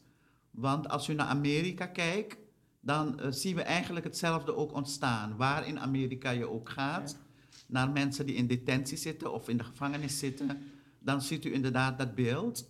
Eh, momenteel is het beeld een beetje aan het wijzigen. En als het gaat om Europa, dan is het ook, als u naar Spanje gaat of andere landen, ja, dan zijn Nederlanders, eh, eh, en, en- en Nederlands van origine Nederlandse jongens en meisjes, die zitten ook in grote getalen in de gevangenissen. Maar u heeft een punt, als het gaat om eh, onze jongeren met een Surinaams of een Antilliaanse of Marokkaanse achtergrond, is het jammer om te zien en vast te stellen dat die groep zo groot is.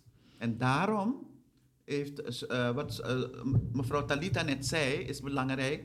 Wat moeten we doen om Ja. onze jonge mensen, onze kinderen, zo ver in onze opvoeding, te, in hun op- opvoeding te, te leren en te begeleiden, zodat ze niet eh, toegankelijk en eigenlijk weerbaar zijn, zodat ze niet in moeilijkheden terechtkomen. Maar we kunnen het niet altijd eh, voorkomen, maar het is wel belangrijk dat we in de begeleiding van onze jongeren Over praten. praten en scherp zijn in ehm, wat kan wel en wat kan niet. En eh, de overheid ook zorgt dat het onderwijssysteem van ons zodanig is dat de jongeren niet uitvallen uit het onderwijsproces en dingen gaan doen waardoor ze uiteindelijk gewoon in de problemen komen. Dus het is, het is en en, het is hand in eigen boezem. Dus wij moeten zorgen dat we het goede voorbeeld geven. Maar als onze kinderen dat niet oppakken, wel zorgen dat die begeleiding er is. En ze altijd steunen en zorgen dat ze uiteindelijk op het goede pad terechtkomen. Het is geen makkelijke weg. En dat geldt voor alle jongeren, of ze nou zwart of wit zijn. En het heeft meer te maken met de opvoeding, met de verzorging en zo. Als we kijken vandaag de dag van Ja. hoe wij praten met elkaar als ouderen, hoe we dansen, wat voor soort muziek we spelen, wat voor woorden we uit. eh, weet je, ano alla poku na poku. Dus eh, het is de begeleiding is belangrijk, ja, belangrijk ja, ja. en daar eh, maak ik me echt ja, zorgen dat zorgen niet in de om. schulden komen. Want En als niet in de schulden. Ja, dan zeker. eh, ga je natuurlijk een uitweg zoeken. en te dan, zeggen, ja, in de begin met actesamiti, dan weet je waarover je praat. mm, Weet je, van om de praktijk is mensen, vaak, de praktijk is belangrijk. En, En wat die meneer ook zegt is klopt. Het, is, het zou mooi zijn als onze jongeren, als ze afgestudeerd zijn, wat voor opleiding ze ook gedaan hebben, dat ze eens in de zoveel tijd weten van oké, wacht even. Het zou mooi zijn als ik een andere die dus die weg niet heeft kunnen afleggen, ja, dat ik daarvoor een keer in gebed of mijn ouders vraag om daar iets voor te doen. Ja. Want dan lever je ook een bijdrage. Hè? Die bezoeken worden vaak ook in het buitenland afgelegd door mensen die weer eerder ook in die situatie terecht zijn gekomen. Vooral Ja. in Latijns-Amerika. ja, ik ben eh, laatst naar de hoofd van de school hier in uh, Vensterpolder geweest. Om te kijken van waar is er ruimte dat ouders bepaalde begeleiding, eh, ja, onderwezen kunnen worden Ja. van wat opvoeding betreft en noem maar op. Dus ja, ik ga nu op vakantie. Dus als ik terugkom, dan kijk ik van wie kan wat doen op de school. Dus ik heb de tijd gekregen van tot vijf uur 's middags. Dus En het moet nodig zijn. Hè? Dus het moet nodig, de- het moet nodig zijn. aanbod, het moet zijn vraag Vraag wat aansluit op het aanbod. als aanbod, ja Eh, zeker. Ik, ik, ik ben ook vertrouwenspersoon, want als je dit werk doet, dan ben je ook een soort Vertrouwenspersoon. vertrouwenspersoon. Je kunt vertrouwenspersoon zijn binnen de kerk. Je kunt vertrouwenspersoon zijn binnen de school. Ja, Je houdt je spreekuren niet in de school, nee. buiten. Eh, je kunt vertrouwenspersoon zijn in een buurthuis. In een, Ja, Eén keer in de maand zit die mevrouw daar en daar als je ergens mee zit. Of je zit met je kind waarvan je denkt, ik kom er niet uit. Of je kind eh, dreigt te ontsporen. ja, Dan kan je eigenlijk preventief zorgen dat je in je organisatie een vertrouwenspersoon hebt waar ze mee kunnen praten. Dat geldt ook voor de kerk. ja, zeker. Overal. En dat hebben we echt En dat heb je nodig, want mensen zitten met nodig. heel veel problemen. Mensen zitten met problemen. Mensen kunnen soms niet eh, dat kind zelf onderwijzen. Nee, nee. Maar de reactie is een, eh, was een hele goede reactie. Dat eh, iemand dan toch sta, stilstaat bij het feit Bij wat Brother Banansi, ja zeker. wat Banansi gezien heeft. En dat is een realiteit die nog steeds zo is. Ik, ik doet me ook pijn als ik in Frans-Guyana kom, in Cayenne. En En ik zie go- goed eh, opgeleide jongen, jongen. door problemen, eh, financiële problemen of doordat de aandacht thuis er niet was, eh, ja, toch in verkeerde handen terechtkomt. En daarom bidden we in onze, Ja. onze Vader van leid mij niet in verzoeking, Maar verlos mij van de boze En ouders moeten bidden voor hun kinderen. kinderen. Ja. Want je ja. weet niet, je kan niet, je kan niet Ik zeg, je hoeft niet naar de kerk te gaan, want anders Nee. ik wil naar kerk. Je hoeft niet naar de kerk te gaan, Nee, je kerk is bij jou. Ja, In Ego Libis, man. in de Gona Libis, maar voor je, gaat, je kerk. gaat omdat je daar Samen eh, met anderen. samen met anderen uiteindelijk ook ge- gesterkt wordt. Ja, En wanneer je naar huis gaat in, in je buurt en je praat niet met de buurvrouw, je kost dotaki of je mikchuri of je kijkt niet om naar wie je naast en boven je woont. ja. Wat ga je dan in de kerk doen op zondagmorgen? Weet je waarom ik laatst Dat zat? meeneemt. Ja, ja. Ik zat laatst te denken aan uh, iemand zei van, uh, Jezus zei van, wie niet ge- zondag heeft, werpen de eerste, steen. Maar dan ben ik verder gaan denken, na lange tijd, want iedere keer, ik weet dat ik het erover lees. Dacht ik van, maar zelf Jezus heeft die steen niet gegooid. Dus Ja. daar ben ik gaan denken van, hé, hey, hij is mens, hij is uh, het goddelijke macht. Maar hij heeft die steen ook niet, hij heeft niet gezegd van, ik gooi die steen. Dus wie, niemand die, die uh, ni- geen mens is er die zegt van, ik zit zonder zonde. Dus daarom Want je kan al mensen met boze ogen aankijken of lelijke woorden uitspreken of, of krachttermen gebruiken of wat dan ook, heb je alle fout begaan. Maar daarom moet je ook niet oordelen over de Je moet niet oordelen over een Als er iets is, moet je uiteindelijk eerst naar je eigen rol kijken. Ja, En wanneer je naar je eigen rol hebt gekeken of je denkt, hoe zou ik het aangepakt hebben, dan kan je die anderen soms wel helpen, ja. maar je bent niet degene die oordeelt. We luisteren naar een eh, kinderverhaal en eh, de kinderen wachten op ons met hun eigen, ja, hun eigen verhaal. Ja. Ik wil dit verhaal.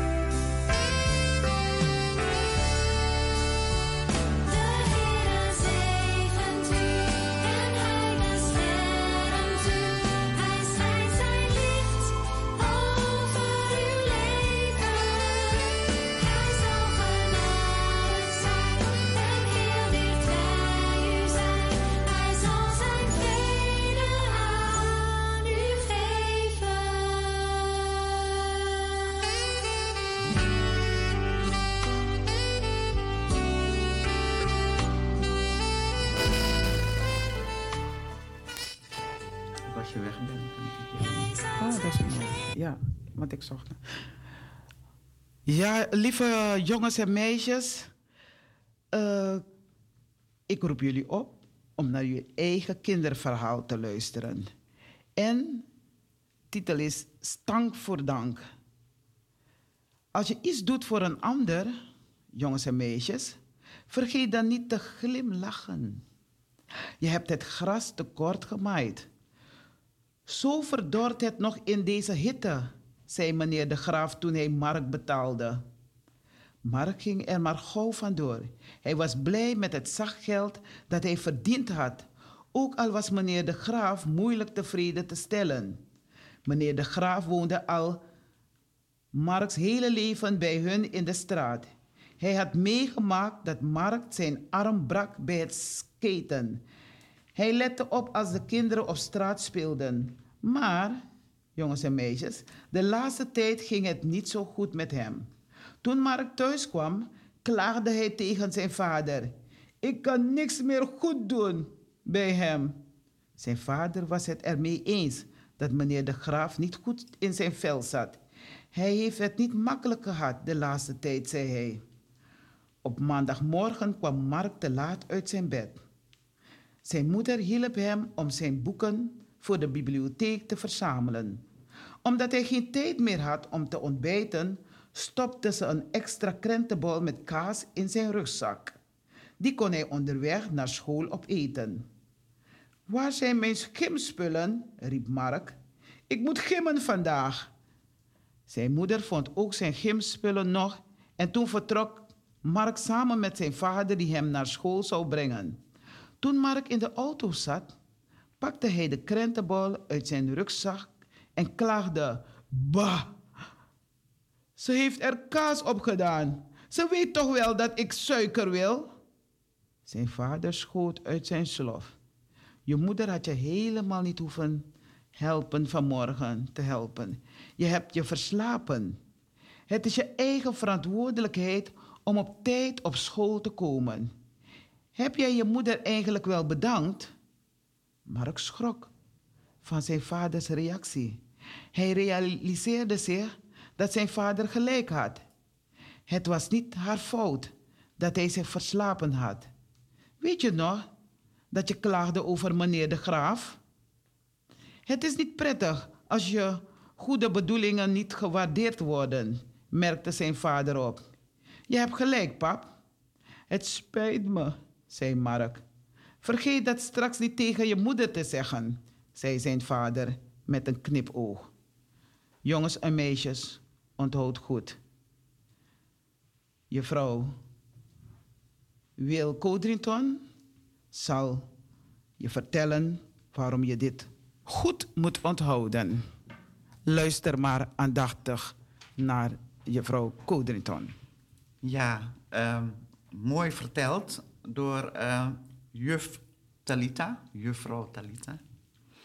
Ehm, en eh, mooi onthouden wat je net hebt gehoord, betekent in de eerste plaats blij zijn als iemand iets voor je doet. Dus behalve dankbaar zijn, blij zijn dat je dat doet. En dan het blij zijn betekent dat je waardeert, is wel een moeilijk woord voor kinderen, wat de ander gedaan heeft. En het kan nooit kwaad om iemand te bedanken. Is niets te veel. En zeggen dat je blij bent dat die persoon het voor je gedaan heeft. Er zijn kinderen in andere landen, India, Afrika, andere landen, die dat zelf voor zichzelf moeten doen. Die niet eens ouders hebben vaak om dat voor ze te doen. En ik lees, onthoud goed. Een beetje waardering kan geen kwaad. Ik zal je leren welke weg je moet gaan. Ik zal je raad geven. Mijn oog, mijn ogen zullen op jou gericht zijn. Mijn oog zal op jou zijn. Dat is een psalm. Staat in de Bijbel. Psalm 32, vers 8. Dus wanneer we geleerd hebben dat we blij en dankbaar moeten zijn, we weten, jongens en meisjes, dat jullie dat kunnen. Want binnenkort wordt er allerlei feesten gevierd, hè? Er is Sinterklaas, er is kerst, er is oud en nieuw.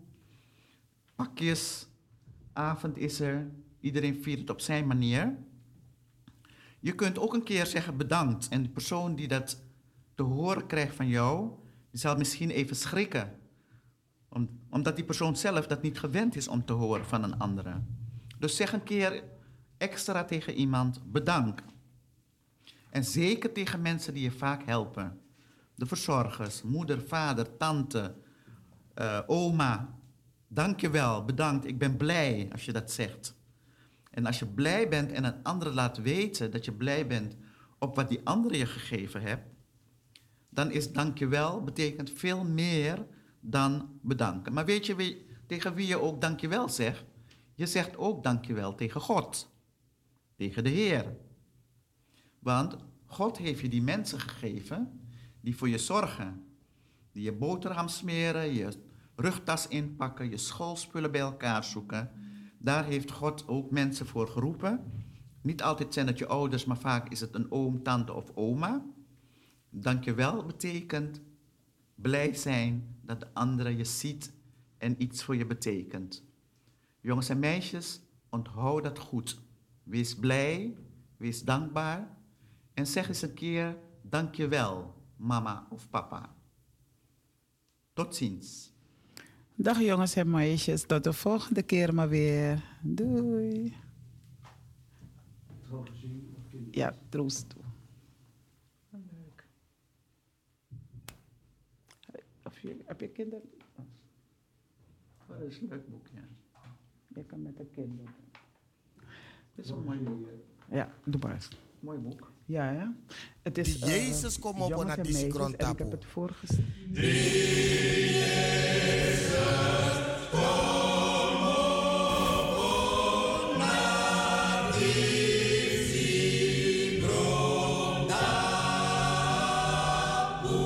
A blessing them lobby disciple ataki.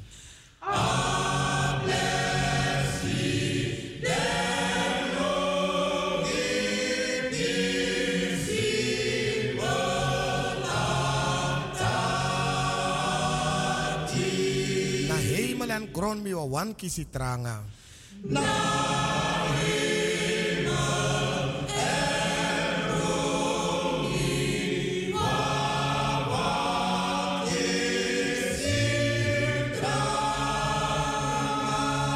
So take mi woord en jari hem panya. So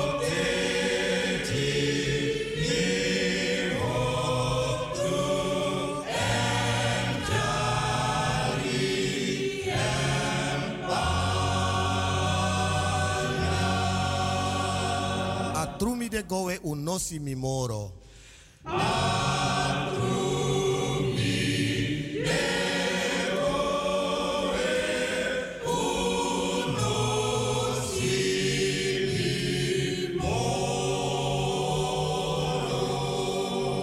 Misa dena unsei ala yoro.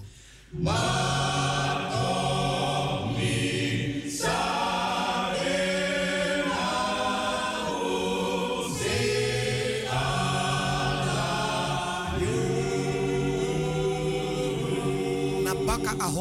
hopo hem hanu for blessing.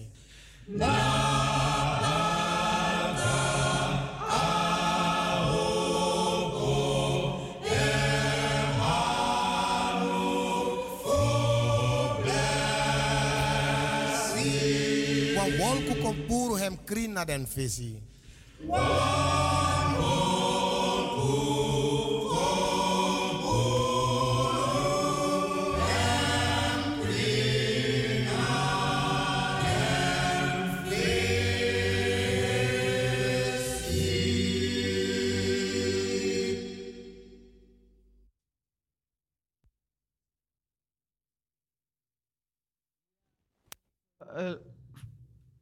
luisteraars, we zijn gekomen bij het moment van stilstaan bij de zieken, de bedroefden, de mensen die het niet zien zitten.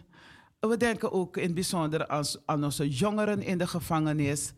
Allen eh, sterkte en uh, Jugado de je schild nang je horu, hen hansa hori kibriu en giu langa libi nanga moro yari en dat alles beter mag gaan. Van deze kant wil ik uh, Patrice Del, onze technicus, zijn uh, condoleren met de heengaan van zijn vader. Ja, die vader had ik eens willen uitnodigen om in de studio ook te komen om uh, het een en ander te vertellen. Ik uh, had een leuke ontmoeting met hem in de kerk.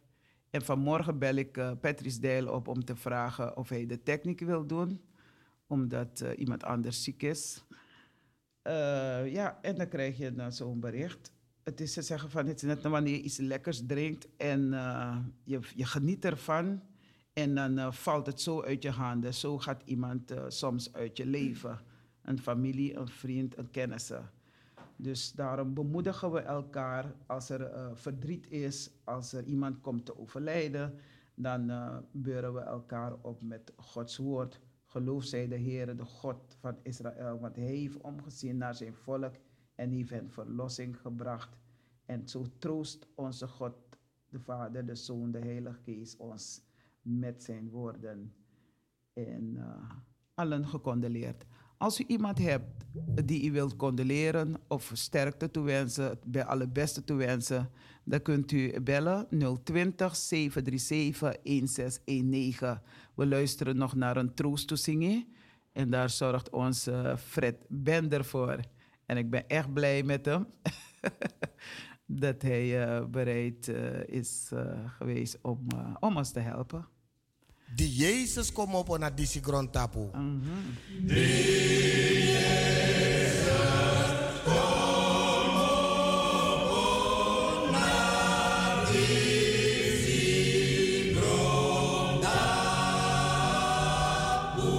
A blessing them lobby disciple ataki.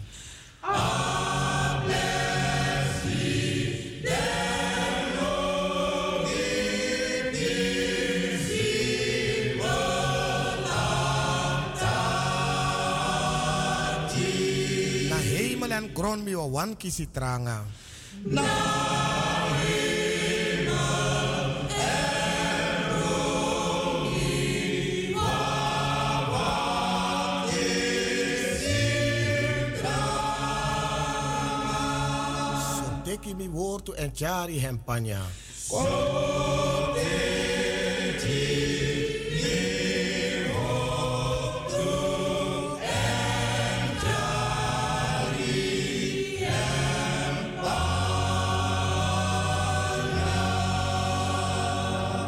de gowe unosi mimoro.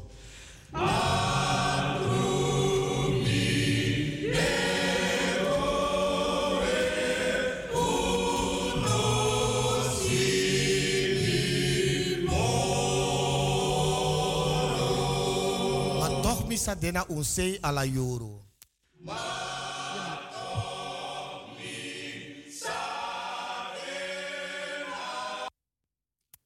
Dit is uh, Fred Bender achter de microfoon van Anitri FM. Ik val in voor een andere collega. Enige tijd geleden is overleden de benedenbuurvrouw van Janine in het trappenhuis ten gevolge van een noodlottig ongeval in haar woning. Gisterenmiddag reed voor het laatst de begrafenisauto langs haar huis. En alle overige bewoners in het trappenhuis, die kwamen met één witte roos die we op de kist gelegd hebben. Zo hebben we afscheid genomen.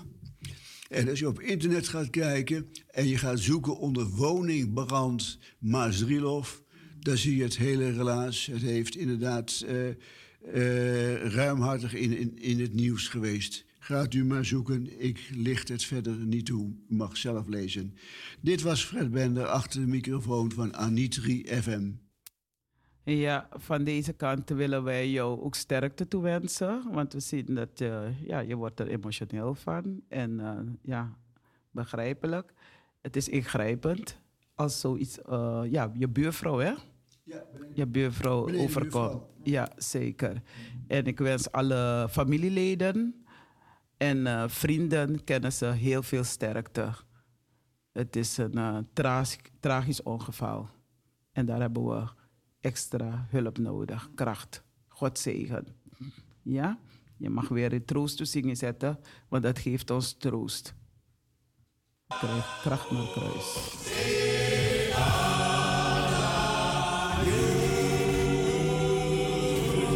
Na baka a hopo hem hanu for blessing.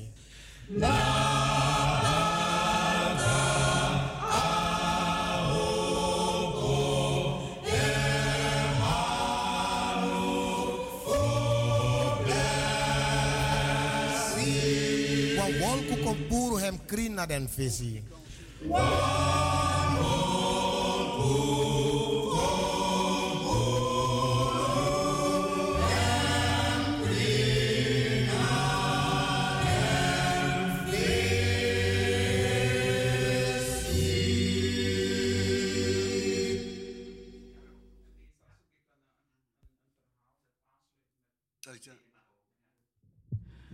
Ja, lieve luisteraars, de tijd gaat snel. Voor elf. Eh, even kijken, morgen, vandaag hebben we wel een, eh, vergadering, gemeentevergadering. en eh, alle leden, de mensen die lid zijn, die zijn van harte uitgenodigd. En ze weten waar ze moeten zijn. Dat is eh Krommehoekstraat 163. Dus eh, het is alleen voor de leden eh, om de vergadering bij te wonen. Dus ik wens aan ieder een vruchtbare vergadering, gemeentevergadering. En eh, andere mededeling, dat is dat we morgen kerkdienst hebben. En dan moet ik even spieken. Eh, oh, vandaag hebben ze het niet gestuurd. Oké, morgen hebben we. Maar de dominee heeft het bekendgemaakt dat er een eh, dienst morgen gehouden zal worden. Oh, ik zit niet op een goede plaats. Het is wel een, een beetje bruining, maar het is een andere bruining. Hier is hij. Sorry, mijn excuses. Preekdienst zondag 13 november, Rokkomankerkie. Predikant dominee Marcus Gil. En het begint om 11 uur. Eh, livestream kunt u ons ook volgen. Eh liturgiedienst is het. U kunt uw bijdrage doneren en geef uw rekeningnummer door. Het moet niet, het mag wel. NL07 Rabo 0161356907. Dus Rabobank ten name van EBG Amsterdam Zuidoost onder vermelding donatie of collecte. Uw kerkelijke bijdrage kunt u overmaken op rekeningnummer nogmaals NL07 Rabo 0161356697. En eh, voor meer informatie, dan kunt u op onze website gaan www.ebgzuidoost.nl. Dus u kunt eh, daar naartoe gaan. Dus eh, komt u met z'n allen daar naartoe. En u bent van harte welkom. Ja. Ik heb nog een eh, andere mededeling. Ik zei het al van, eh, van, eh, dat er vandaag een vergadering gehouden zal worden. En ik ben even aan het scrollen voor u. Ja, speciaal voor u. Om het toch mede te delen. Voor de mensen, voor de leden van de kerk. Opening. Vaststellen agenda. Mededelingen. Notulen vorige vergadering. Uit het werk van de oudste raad, presentatie. Wie Egi Kerkie, app. Financiën, jaarplanning, komende activiteiten. 10 jaar Wie Egi Kerkie. En dan krijgen we dan een rondvraag en dan eh, sluiting. Dus eh, als u weet dat u eh, lid bent van onze gemeente, dan bent u van harte welkom. Ja, omdat het een eh, vergadering is van onze gemeente EBG Zuidoost. En eh, waar wordt het gehouden? Locatie is Wiegi Kerkie, kamer 2 en 3 boven. Locatie kamer 2. Oké, dat was het. En eh, ja, ik moet maar snel overstappen. De jarigen, Fiaro Poku. En daar zorgt onze brada Fred Bender voor. Yes.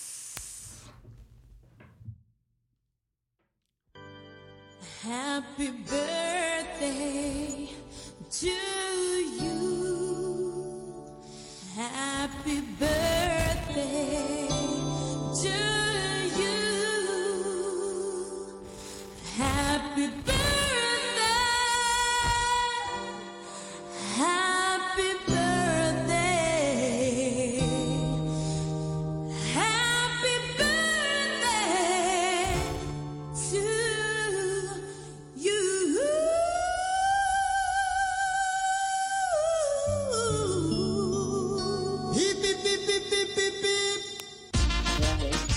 Welkom. Goedemorgen. Zuster, welkom. Hip, hip, hip. Goedemorgen, zuster Salita. Goedemorgen, zuster Lilian Kereveld. Ik wil een paar familieleden feliciteren, zuster. Ja, dat mag hoor. Oké, en dat is Hedwig Magnac, die gisteren jarig was. Verder, hiep, hiep, hiep, hoera voor Hedwig. Michael, eh, Michael Loswijk is morgen jarig. En zijn zoon Gabriel is zijn 17e jarig. En volgende week zijn Denzel en Stanley, Stanley van en Winnie zijn ja- jarig volgende week. Ik wil al deze mensen alvast hartelijk feliciteren met hun verjaardag. En het aller, allerbeste toewensen in hun nieuw levensjaar. Hiep, hiep, hiep, hiep, hiep. Hoera. Ik wil En wel ik corrigeren. En ik feliciteer. Pardon? Ik wil wel iets corrigeren. Hedwig Magnak was 10 o- eh, november jarig. Er is een ja. gemaakt in de familie-app. Dus Hedwig Magnak. En Michael is, Michael is morgen jarig. Ja, Michael Loswijk. ja, die is eh morgen jarig. Nou, we Ja, feliciteren ook hiep, alvast. hiep, hiep. Ja, ik, eh, ik hoor je in de verte, hoor, zuster. Maar hiep, hiep, hiep, hoera voor deze mensen. En het allerbeste. En ik, ik wens ook, een, eh, ik feliciteer ook alle andere familieleden Keerveld... die dus deze maand jarig zijn geweest en nog zullen jarig worden. Hiep, hiep, hiep, hoera. Dank u wel, zuster Talita. Dank je wel. En eh, ik, eh, je hebt je toch aan de telefoon. Ik ben vergeten om iemand het beste toe te wensen. Of, vanwege de gezondheid. Letitia Valpoort heeft, eh, is geopereerd aan haar ogen. Dus we wensen van deze kant Letitia Valpoort alle krakti. En dat alles eh, veel beter kan gaan. Dat ze beter kan zien met dat oog. Ja, ik wens, ik wens Letitia, het is even schrikken, maar ik wens Letitia ook heel een eh, spoedig herstel. En dat, eh, dat het eh, voor haar een zegen mag, zijn dat ze geopereerd is aan haar oog. En dat ze voortaan veel, veel, veel beter zal kunnen zien. Ja, dankjewel Sisa. Dank u wel, Beste zuster Talita. Hallo. Ja, ik hoor haar niet meer. En eh, nou, Lian Kerveld, bedankt voor alle felicitaties die je hebt meegegeven. Dus eh, was jarig Quincy Maknak, Janio Pereira, Hedwig Maknak, Essart Maknak, Marvin Maknak. Die zijn 12 eh, november jarig. En je ziet het, hè. Eh, we hebben verschillende namen, familienamen in de, binnen een familie. Waarvan alleen die ene of een paar mensen familie zijn. Bijvoorbeeld de Maknak, bijvoorbeeld niet alle Maknak zijn onze familie. Maar toch feliciteren we eh Hedwig Maknak met zijn verjaardag. Hij was 10 november jarig. Nou, ik wil van deze kant iedereen. eh, heb jij jarige? Nee. Iedereen eh, van harte gefeliciteerd. U, het is een paar minuten voor, voor elf. Ehm, iedereen bedankt voor het willen luisteren. En eh, Sisa wil Codrington ook hartelijk bedankt. Misschien wilt u ook nog een slotwoord zeggen. Daar hebt u de gelegenheid voor om de mensen te groeten. Ja, ik wil u eh, danken voor uw aandacht en u bemoedigen met eh, de woorden die vandaag ook door de dominees zijn meegegeven. Dat we altijd terecht kunnen met onze noden en dat we niet opgeven om de Heer aan te roepen. Hij luistert altijd, hij is er altijd, hij zorgt altijd. En ik wens u een gezegend weekend toe. Nou, Fred Berden bedankt, allen bedankt. En tot een volgende keer weer. Troet FM neemt over.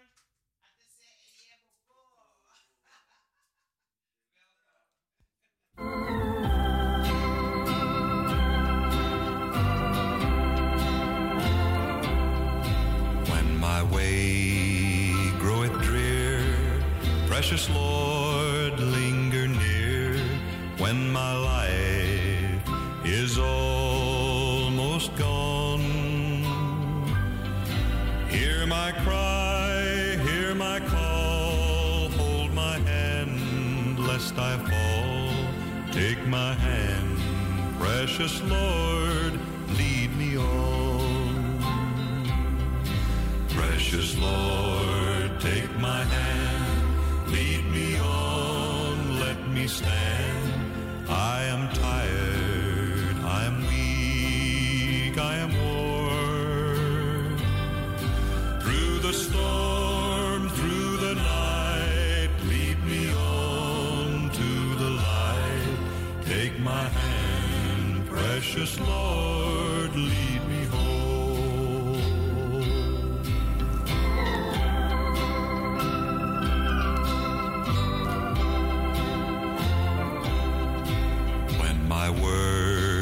all done and my race